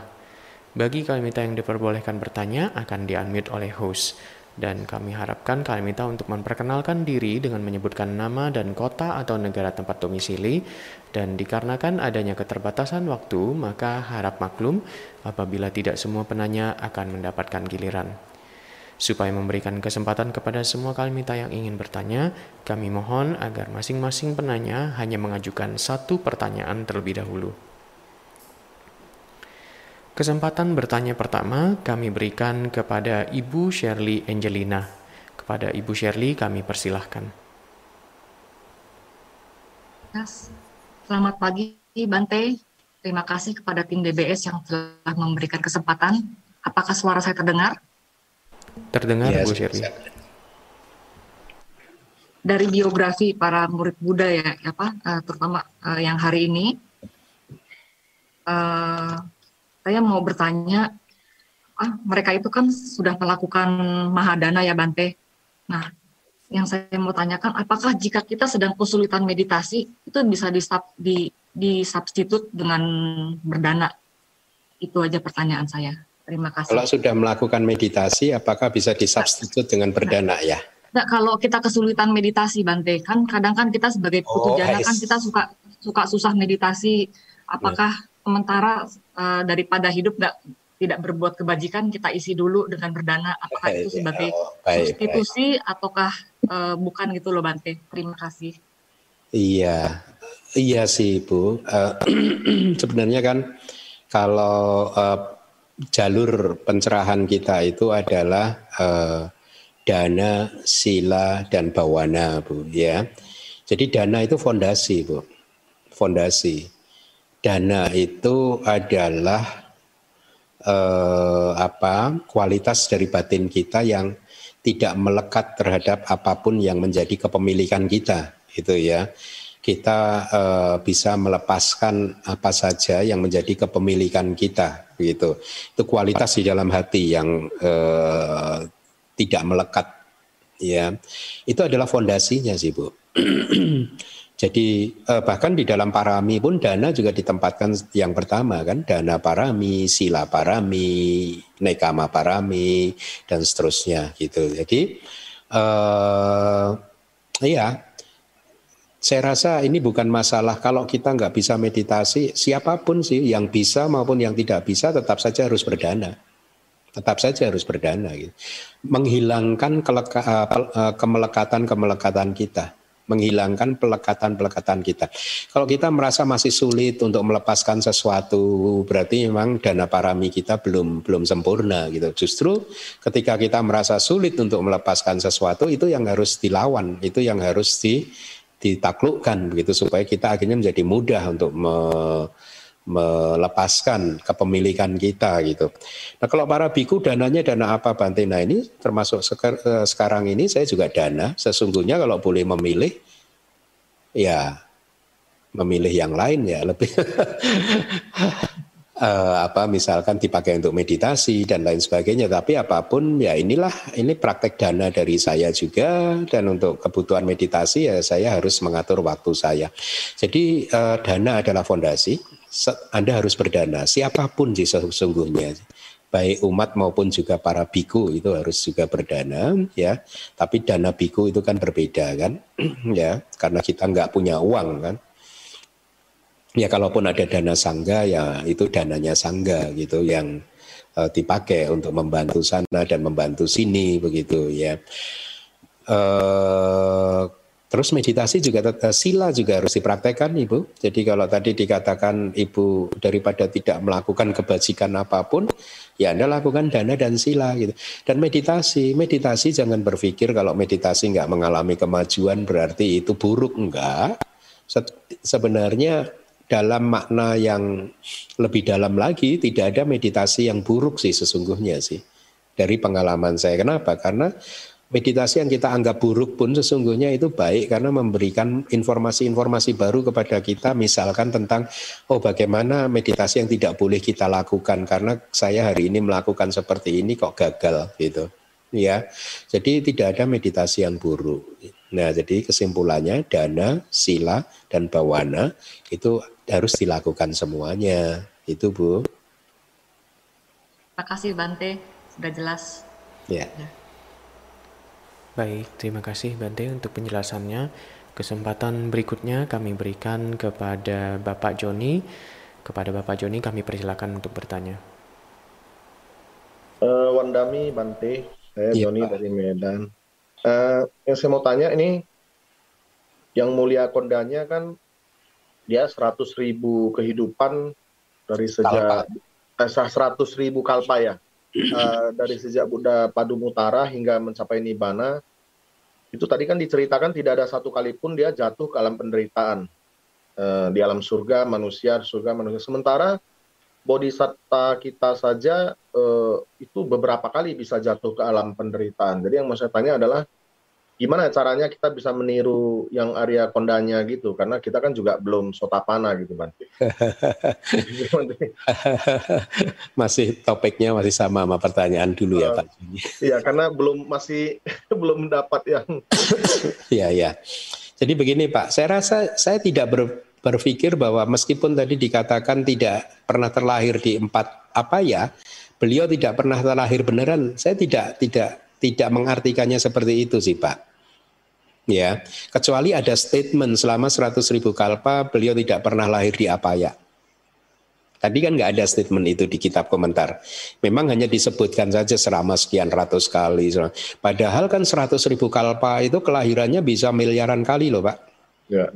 Ya toh pak. Jadi ya. mungkin dugaan saya kelahiran di empat apayanya tidak disebutkan dugaan saya. Hanya disebutkan kelahiran di alam-alam manusia dan alam-alam dewa selama seribu kali dua ribu kali. Itu masih terlalu sedikit sih kalau dibandingkan dengan jangka waktu yang seratus ribu kalpa yang lama sekali gitu. Tapi apa pun pak apa pun jangan pernah terteror lah dengan kelahiran di dalam empat apa ya Ya jangan pernah merasa terteror lalu bernafsu ingin lahir di alam-alam atas karena kalau kita terlalu bernafsu melekat itu pun adalah tanha tidak baik ya. Kenapa saya katakan nggak perlu terlalu terteror dengan kelahiran apa ya? Karena faktanya kita sudah sering kali berada di sana. Faktanya itu kita sudah sering kali berada di sana di empat apa ya, ya. Dan kita hari ini baik-baik saja Artinya kesulitan itu kalaupun harus uh, terlahir di sana pasti uh, kesulitan itu pun nantinya akan kita atasi. Nah, oleh karena itu, masa depan adalah sesuatu yang belum terjadi. Yang terbaik yang harus kita lakukan ya kehidupan saat ini saja, Pak. Terus makanya teladan-teladan dari kayak tadi uh, yang kemudian menjadi yang Arya Kondanya itu ditiru ya kemampuan dana kita, kemudian ke kebulatan tekad untuk meninggalkan keduniawian, kemudian kalau berdana memberikan dana yang terbaik seperti yang tadi di dalam cerita itu kan memberikan makanan dengan beras yang terbaik dan lain sebagainya, terus membangunkan cetia dengan bertaburan. Jadi itu teladan itu yang kita lakukan. Jangan diteror oleh masa depan karena masa depan itu juga sangat tergantung dengan apa yang kita lakukan di saat ini. Saat ini kita uh, adalah satu-satunya waktu yang kita punya ya. Uh, maka manfaatkanlah waktu yang ada ini sebaik mungkin sih Pak Joni. Masa depan akan take care of themselves.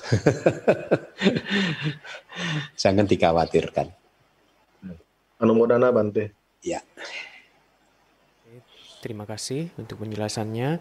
Kesempatan bertanya berikutnya kami berikan kepada Ibu Haritaho. Kepada Ibu Harita kami persilahkan. Uh, Madam Bante. Iya. Harita dari Los Angeles, uh, Bante, saya mau tanya, apakah itu berdana itu hanya diartikan ke uh, sangga dan ke wihara? Bisakah dan arti kayak ke homeless, ke tetangga atau ke keluarga terdekat hmm. gitu Bante. Makasih. Iya, ya basically dana kepada siapa pun ya secara secara mendasar dana giving is to be given kepada siapa pun. Ya, tetapi ibu harus mengetahui bahwa di dalam setiap dana kebajikan itu mempunyai kekuatannya masing-masing. Seringkali uh, kita mendengar kalau mau berdana jangan membeda-bedakan lah harus sangga ini sangga itu atau wihara ini wihara itu gitu. Ya, kalau membeda-bedakan itu dananya jadi tidak baik. Tetapi saya rasa kalimat itu tidak benar atau perlu dijelaskan lebih lebih jauh lagi. Kalau berbicara tentang dana parami mungkin oke okay, kita tidak perlu membeda-bedakan. Tetapi kalau kita berbicara tentang dana sebagai kebajikan ya Buddha pun di dalam Dakina Wibangga Sutta itu mengklasifikasikan kekuatan dana ke, sampai 16 tingkatan, Bu. Ya.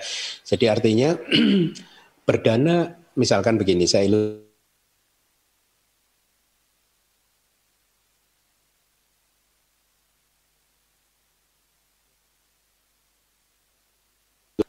di jalan yang kelaparan.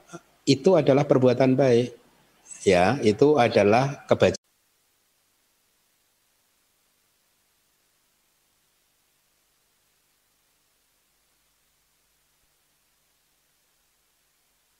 satunya ini bergeser tempat menjadi uh, mundur ke belakang. Nanti ada di, tapi yang satunya tetap di, dek, di dekatnya Buddha. Yang satunya saja yang mundur ke belakang.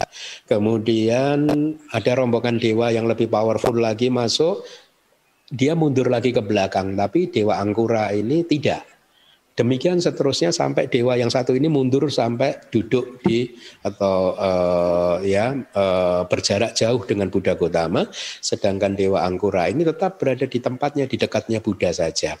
Nah, ketika ditanyakan kenapa ada kejadian yang berbeda seperti itu, kemudian Buddha men, uh, menceritakan kehidupan masa lampau dari kedua dewa ini. Yang tadi yang dewa yang mundur-mundur-mundur terus tadi karena demi memberi tempat kepada dewa yang lebih powerful itu bahkan katanya uh, diceritakan bahwa di kehidupan yang lampau dia ini mendanakan banyak sekali dana yang luar biasa untuk society untuk masyarakat. Membangun toilet sepanjang sekian yojana dan lain sebagainya begitu ya. Itu itu dana yang luar biasa untuk masyarakat ya itu adalah perbuatan baik, Bu. Sedangkan dewa yang yang satunya yang tidak tergeserkan tempatnya itu tadi, itu hanya memberikan satu suap, satu sendok nasi ketika melihat kayaknya yang Arya Anuruda, kalau saya nggak salah ya. Ya, ketika ketika berpindah patah, kemudian melihat yang Arya Anuruda, kalau saya tidak salah, dan dia berdana satu sendok uh, nasi saja.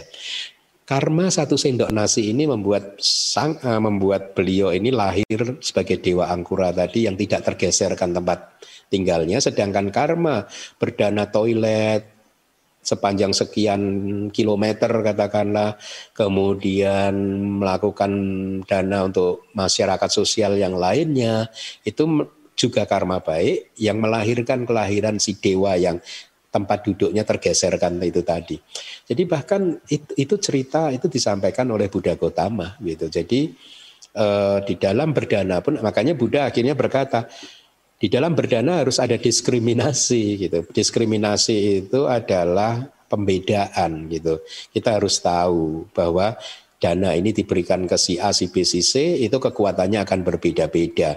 Jadi harus digunakan diskriminasi itu. Itu bahkan nasihatnya Buddha. Jadi kalau dikatakan kalau berdana jangan membeda-bedakan, saya tidak setuju. Justru Buddha mengajarkan kalau Anda berdana harus membeda-bedakan harus membeda-bedakan dengan data-data yang tadi sudah uh, saya sampaikan. Tapi sekali lagi hati kalau berbicara tentang parami, ya parami memang tidak membeda-bedakan. Parami itu adalah eh, ketika Anda melakukan dana parami, Anda berdana saja, bebas dari eh, nafsu-nafsu kehausan, bebas dari craving, bebas dari kesombongan, bebas dari pandangan salah dan harus dilakukan dengan cara yang baik gitu artinya tidak melanggar sila, tidak melanggar hukum negara dan lain sebagainya gitu. Ya ben, apa sesuatu yang mau didanakan itu didapatkan dengan cara yang baik dan dilakukan juga dengan cara yang baik. Nah, parami itu seperti itu gitu. Tidak berbicara tentang siapa penerimanya begitu, Bu, ya. Jadi saya rasa begitu. Mudah-mudahan uh, sedikit uh, maksud saya itu ya kan saya berdana ke uh, wihara sama di Kusangga itu kan sudah rutin Bante. Yang uh, tantangan ini melepaskan sesuatu, contoh tetangga saya ini suka minta saya ini itu ini itu. Itu yang kadang-kadang saya pikir, aduh saya cuma tinggal dua biji, masa saya mau kasih itu loh Bante. Saya Siapa yang minta Bu? Anak tetangga. Oh, oh kadang-kadang saya pikir aduh saya cuma dapat tiap Christmas itu empat biji kasih uh, teman baik satu, udah kasih ke dia satu, dia masih minta lagi satu. Apakah seperti suatu tantangan buat saya? Kasih enggak? Akhirnya ya saya kasih lah, kasihan namanya anak ya. tahun. Iya, lebih baik dikasih bu karena itu latihan ibu untuk melepas kan. Iya. Justru ketika sulit untuk melepas itu harus dilepas. Ya. Jadi uh, dulu di masa-masa saya memutuskan jadi biku, saya memakai logika itu. Saya kan bimbang juga waktu itu istilahnya. Oh, maksudnya bertapa di hutan lah waktu itu. Belum kalau jadi biku itu nggak bimbang sih. Waktu mau bertapa di hutan itu ada kebimbangan karena mau beneran ini masuk ke hutan ini gitu atau tetap aja menjalani kehidupan keduniawian gitu. Itu kan dua hal yang sulit waktu itu. Kemudian saya pakai pakai cara model cara memutuskan seperti itu. Mana yang sulit itu yang saya ambil gitu. gitu, Pak. Dan akhirnya saya putuskan yang sulit. ya, terima kasih Bante. Ya. Makanya saya pikir tantangan itu bagi saya kasih nggak lepas nggak itu yang saya ya, anggap ya, ya lepas saja Bu. Justru kalau lagi sulit itu dilepas. Itu latihannya Bu. Terima kasih Bante. Ya. Oke, terima kasih untuk penjelasannya. Kesempatan bertanya berikutnya kami berikan kepada Saudara Teddy Tahir. Kepada Saudara Teddy, kami persilahkan. Wandami Bante. Uh, Bante, saya ingin bertanya ini mungkin sedikit berbeda. Nah, uh, berhubung dengan kisah kondannya, nah uh, kondannya ini menyempurnakan paraminya sudah berkalpa-kalpa sejak Buddha Padumutara Wipasi sampai akhirnya Buddha Gotama. Nah, e, menurut Bante ada dua pertanyaan sih. Pertanyaan pertama itu adalah dan ini related.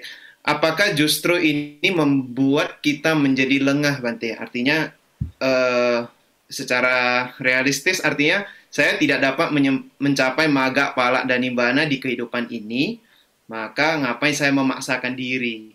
Atau ada pandangan kalau saya harus mencapai nibana di kehidupan ini, tapi kan kalau tidak uh, tidak realistis begitu, kalau masih mencap masih di dalam duniawi ataupun misalnya menjadi samana tapi uh, paramia tidak mendukung, ibaratkan ingin tanam biji hari tanam biji mangga hari ini inginnya buahnya bulan depan gitu. Nah kan begitu. Nah lalu pertanyaan kedua, bagaimana menurut Bante idealnya pandangan kita terhadap tujuan kehidupan spiritual? Terima kasih. Ya, uh, seperti yang tadi saya katakan atau sering kali saya katakan di dalam kelas, makanya kita harus mendengarkan kitab suci supaya kita gampang terinspirasi. Satu, kita jadi mengerti tentang harus bagaimana bagaimananya. Maaf uh, bukan mendengarkan nasihat-nasihatnya Bante Keminda katakanlah ya karena Bante Keminda ini bukan siapa-siapa gitu ya. Kitab suci itu penting sekali dan itulah makanya saya terus berjuang untuk mempopulerkan kitab suci. Nah, dari informasi-informasi yang didapatkan di dalam kitab suci ya kita memang jadi tahu bahwa secara realistis untuk mencapai maga dan pala itu membutuhkan satu karir yang cukup panjang. Ya. Nah, ketika mengetahui hal yang seperti ini ya ya memang ada dua reaksi. Yang satu akan bereaksi pesimis, yang satu akan bereaksi optimis atau realistis bahkan gitu ya, atau negatif dan positif gitu. Ya harusnya kita memilih reaksi yang positif ya. E, paling tidak minimal sekarang Anda tahu bahwa e, proses meningkatkan karir spiritual itu seperti itu tadi ya meskipun saat ini Anda menempuh jalur seperti itu, ya sudah nggak apa-apa, lakukan yang terbaik yang Anda bisa sesuai dengan jalur yang diajarkan oleh kitab suci. Itu bukan jalur yang diajarkan oleh Bante Keminda, gitu. Ya. Nah, lakukan yang terbaik yang Anda bisa ya e, seperti Pak Joni tadi juga mirip-mirip kan ya jadi karena pilihan jalan hidup yang seperti itu ya sudah e, Anda lakukan yang terbaik yang anda bisa. Itulah mengapa saya selalu mengatakan kepada para umat gitu, kalau Anda menekuni pariyati, Anda sudah berada dalam jalur yang benar. Karena Anda mendapatkan informasi ini dari para guru dari Buddha, dari para guru dari masa lalu. Hari ini Anda dapat informasi dari yang Arya Kondanya dan juga para guru-guru kitab komentar. Ya, bahkan kemarin juga terhadap satu umat di Bali juga saya mengatakan itu kalau ibu mempelajari pariyati, ibu sudah berada di jalur yang benar dalam konteks sebagai umat rumah tangga. Ya, kegiatan apa yang lebih bagus daripada sebagai perumah tangga eh, selain mendengarkan pariyati? Ya, pariyati itu artinya kitab suci yang dijelaskan sesuai kitab komentar. ya, daripada misalkan pagi-pagi begini mendengarkan nah, nonton TV dan lain sebagainya, saya rasa dua jam untuk mendengarkan pariyati itu uh, satu uh, kebajikan yang sangat besar. Jadi makanya saya katakan ibu sudah berada dalam jalur yang benar. Dengan berani saya mengatakan seperti itu karena pasti akan terinspirasi lah. Ya mereka yang bisa terinspirasi akan terinspirasi, tetapi seperti yang tadi di kelas juga saya katakan, bahkan di kitab suci juga disebutkan ada murid-murid yang bisa dibimbing dan ada murid yang tidak bisa dibimbing. Ya, terhadap murid yang tidak bisa dibimbing, Buddha pun juga tidak bisa melakukan apa-apa gitu. Ada murid-murid yang bisa dijangkau ajaran, ini kata-kata kitab suci, dan ada murid-murid yang tidak bisa dijangkau oleh ajaran terhadap murid-murid yang tidak bisa dijangkau oleh ajaran ya tidak bisa kita tidak bisa melakukan apa-apa gitu. Ya namanya tidak bisa dijangkau gitu. Kenapa tidak bisa dijangkau? Ya tumpukan paraminya kurang tumpukan kebajikannya kurang. Karena tumpukan parami dan kebajikannya kurang itu akhirnya membuat kecenderungannya juga berbeda yaitu tidak uh, uh, memiliki kecenderungan yang uh, ada bonding yang erat dengan kitab suci begitu dan lain sebagainya ya. Nah, jadi saran saya ya kalau menurut saya selama Anda dengan pilihan kehidupan Anda seperti ini terus menekunin pariyati itu Anda berada dalam jalur yang benar. Gitu. Baik, terima kasih Bante. Oke, okay, oke. Okay. Baik, terima kasih Bante. Kesempatan bertanya berikutnya merupakan pertanyaan terakhir kami berikan kesempatan kepada Bapak Henry Chen. Kepada Bapak Henry, kami persilahkan. Manami Bante. Ya. Oh, mau tanya Bante. Uh, Kan tadi disebut bahwa kebajikan itu dengan uh, dana, sila, dan samadhi.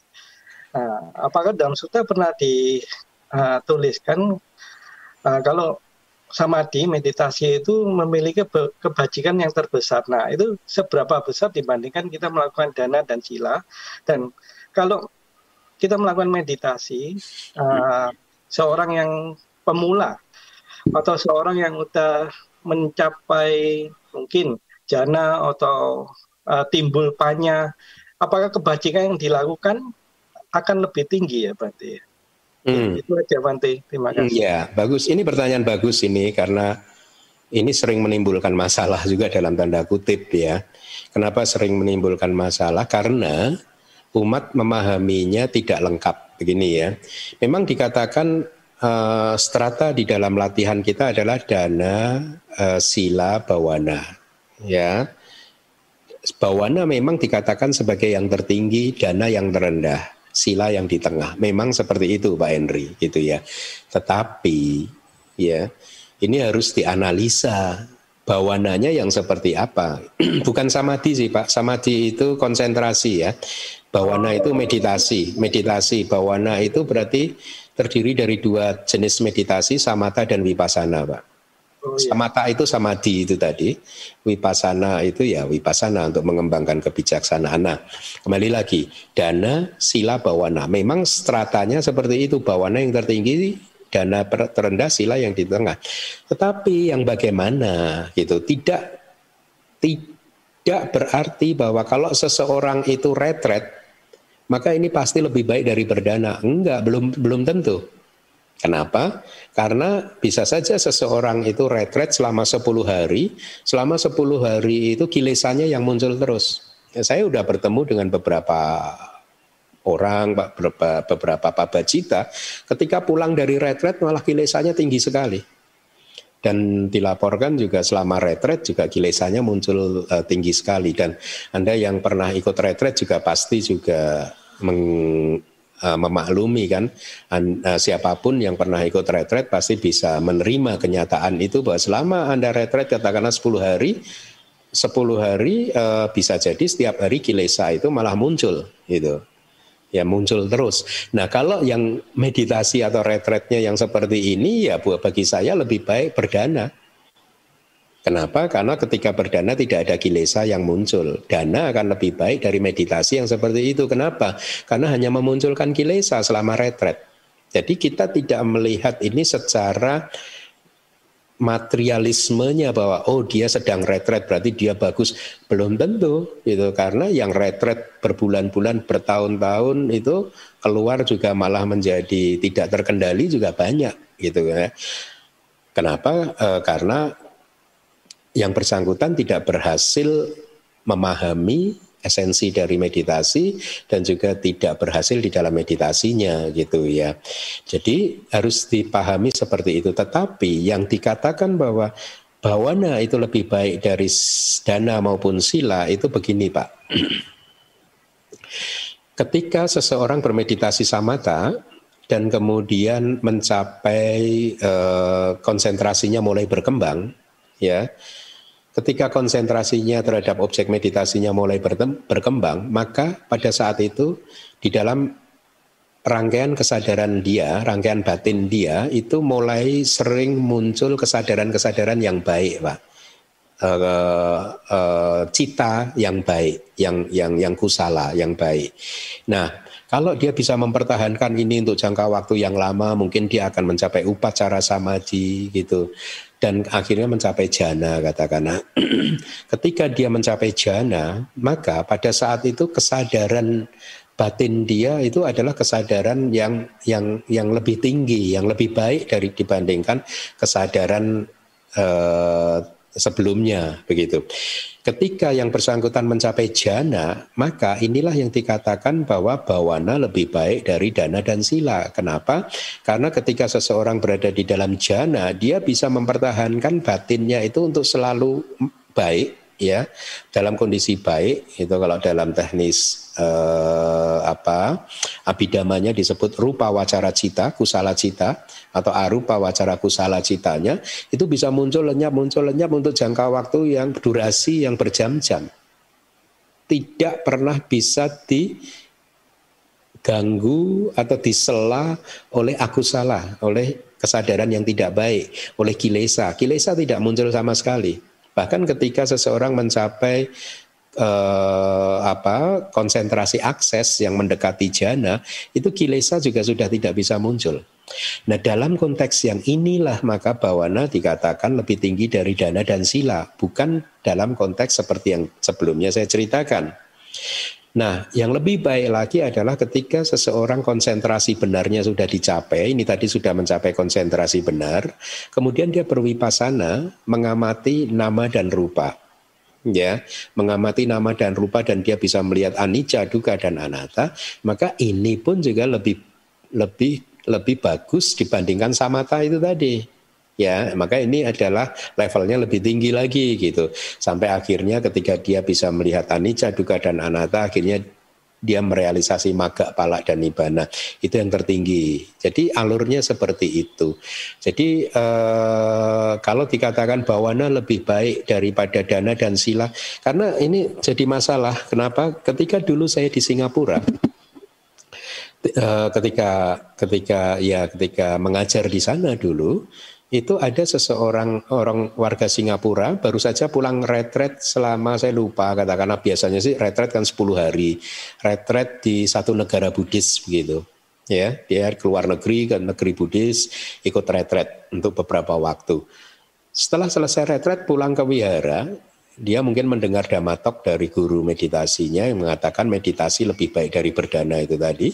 Dia pulang ke wihara di Singapura itu keep on telling people terus menerus memberitahu orang-orang udah nggak usah berdana langsung saja meditasi karena meditasi ini yang tertinggi gitu.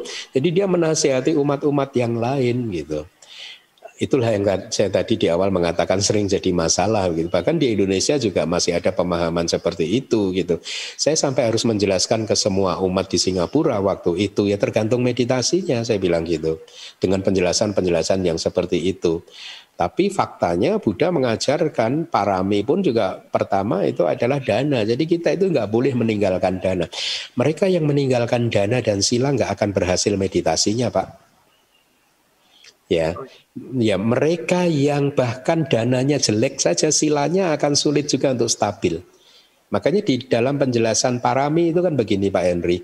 Dan yang pertama kan dana parami dan kemudian sila parami. Ya.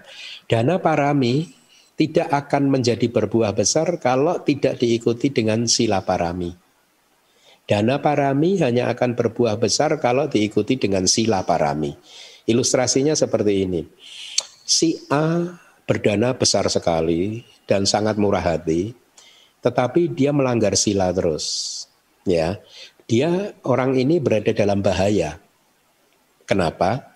Karena dananya adalah benar karma baik. Kalau berbuah itu bisa menghasilkan kelahiran sebagai manusia atau di alam surga.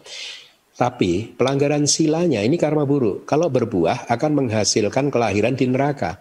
Maka orang ini dalam bahaya karena kalau kombinasi ini bekerja bersama-sama antara dana dan pelanggaran sila dia, maka ada kemungkinan begini semua karma itu berbuah di dua titik, Pak, di dua stage, di dua tahap, di dua momen lah kalau bahasa abidamanya, yaitu di momen kelahiran kembali dengan membentuk agregat kanda, ya bisa pancakanda lima agregat atau empat agregat atau satu agregat gitu ya.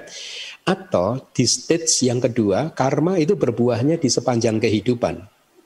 Sehingga ya, sehingga Ilustrasinya bisa seperti ini. Kalau karma berdananya ini tidak berbuah di mo, uh, momen kelahiran, tidak menghasilkan agregat, tetapi berbuahnya adalah di kehidupan sehari-hari, ya.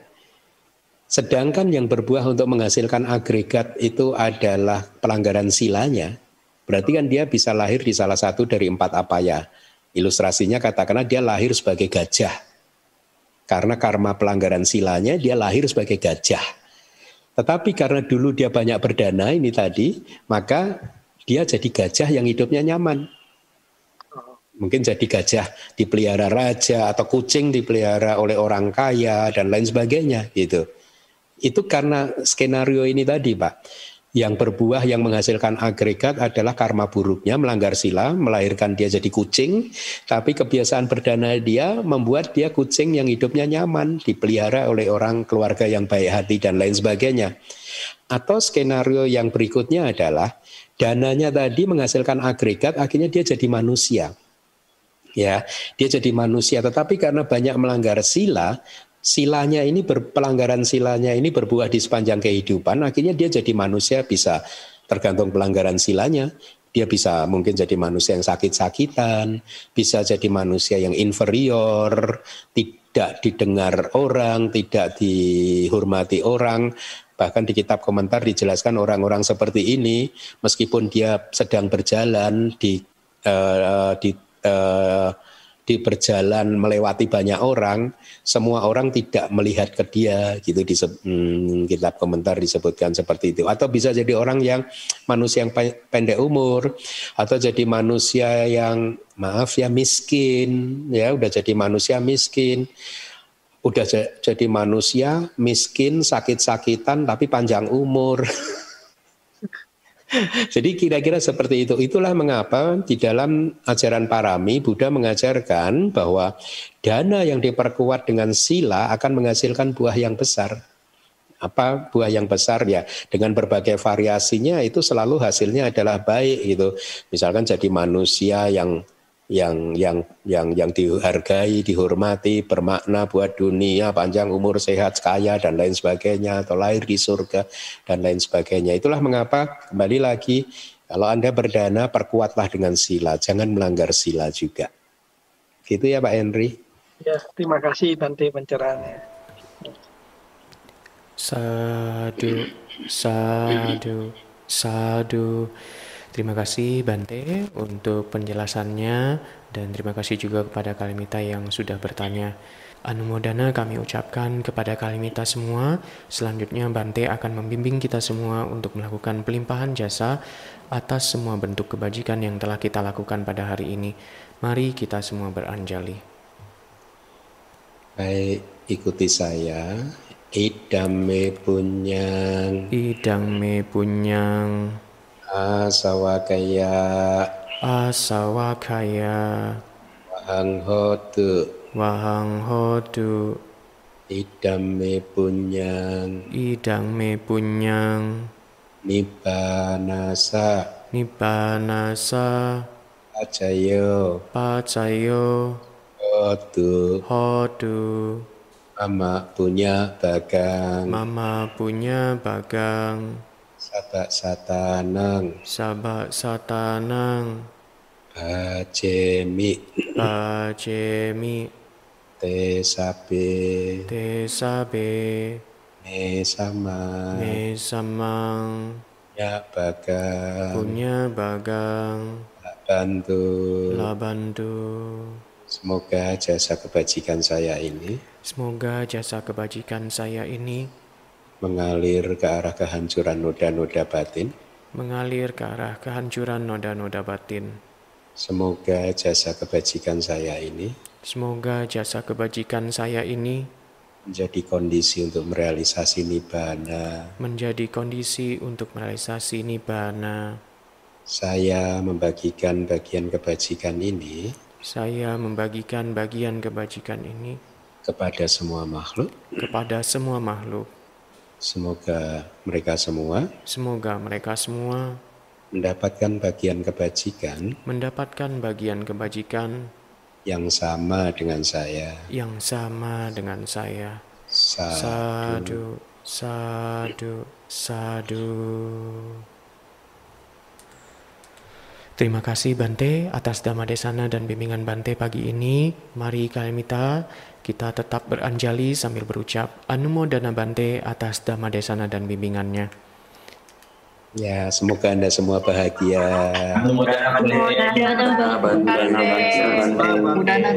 Budana Bante. Semoga Bante sehat selalu. Terima kasih. Semoga semuanya juga sehat ya. Semoga Bante selalu dalam keadaan sehat, damai, dan berbahagia. Dan dengan berakhirnya pembabaran Dhamma ini, kami mempersilahkan Bante untuk meninggalkan kelas Pariyati Sasana online ini.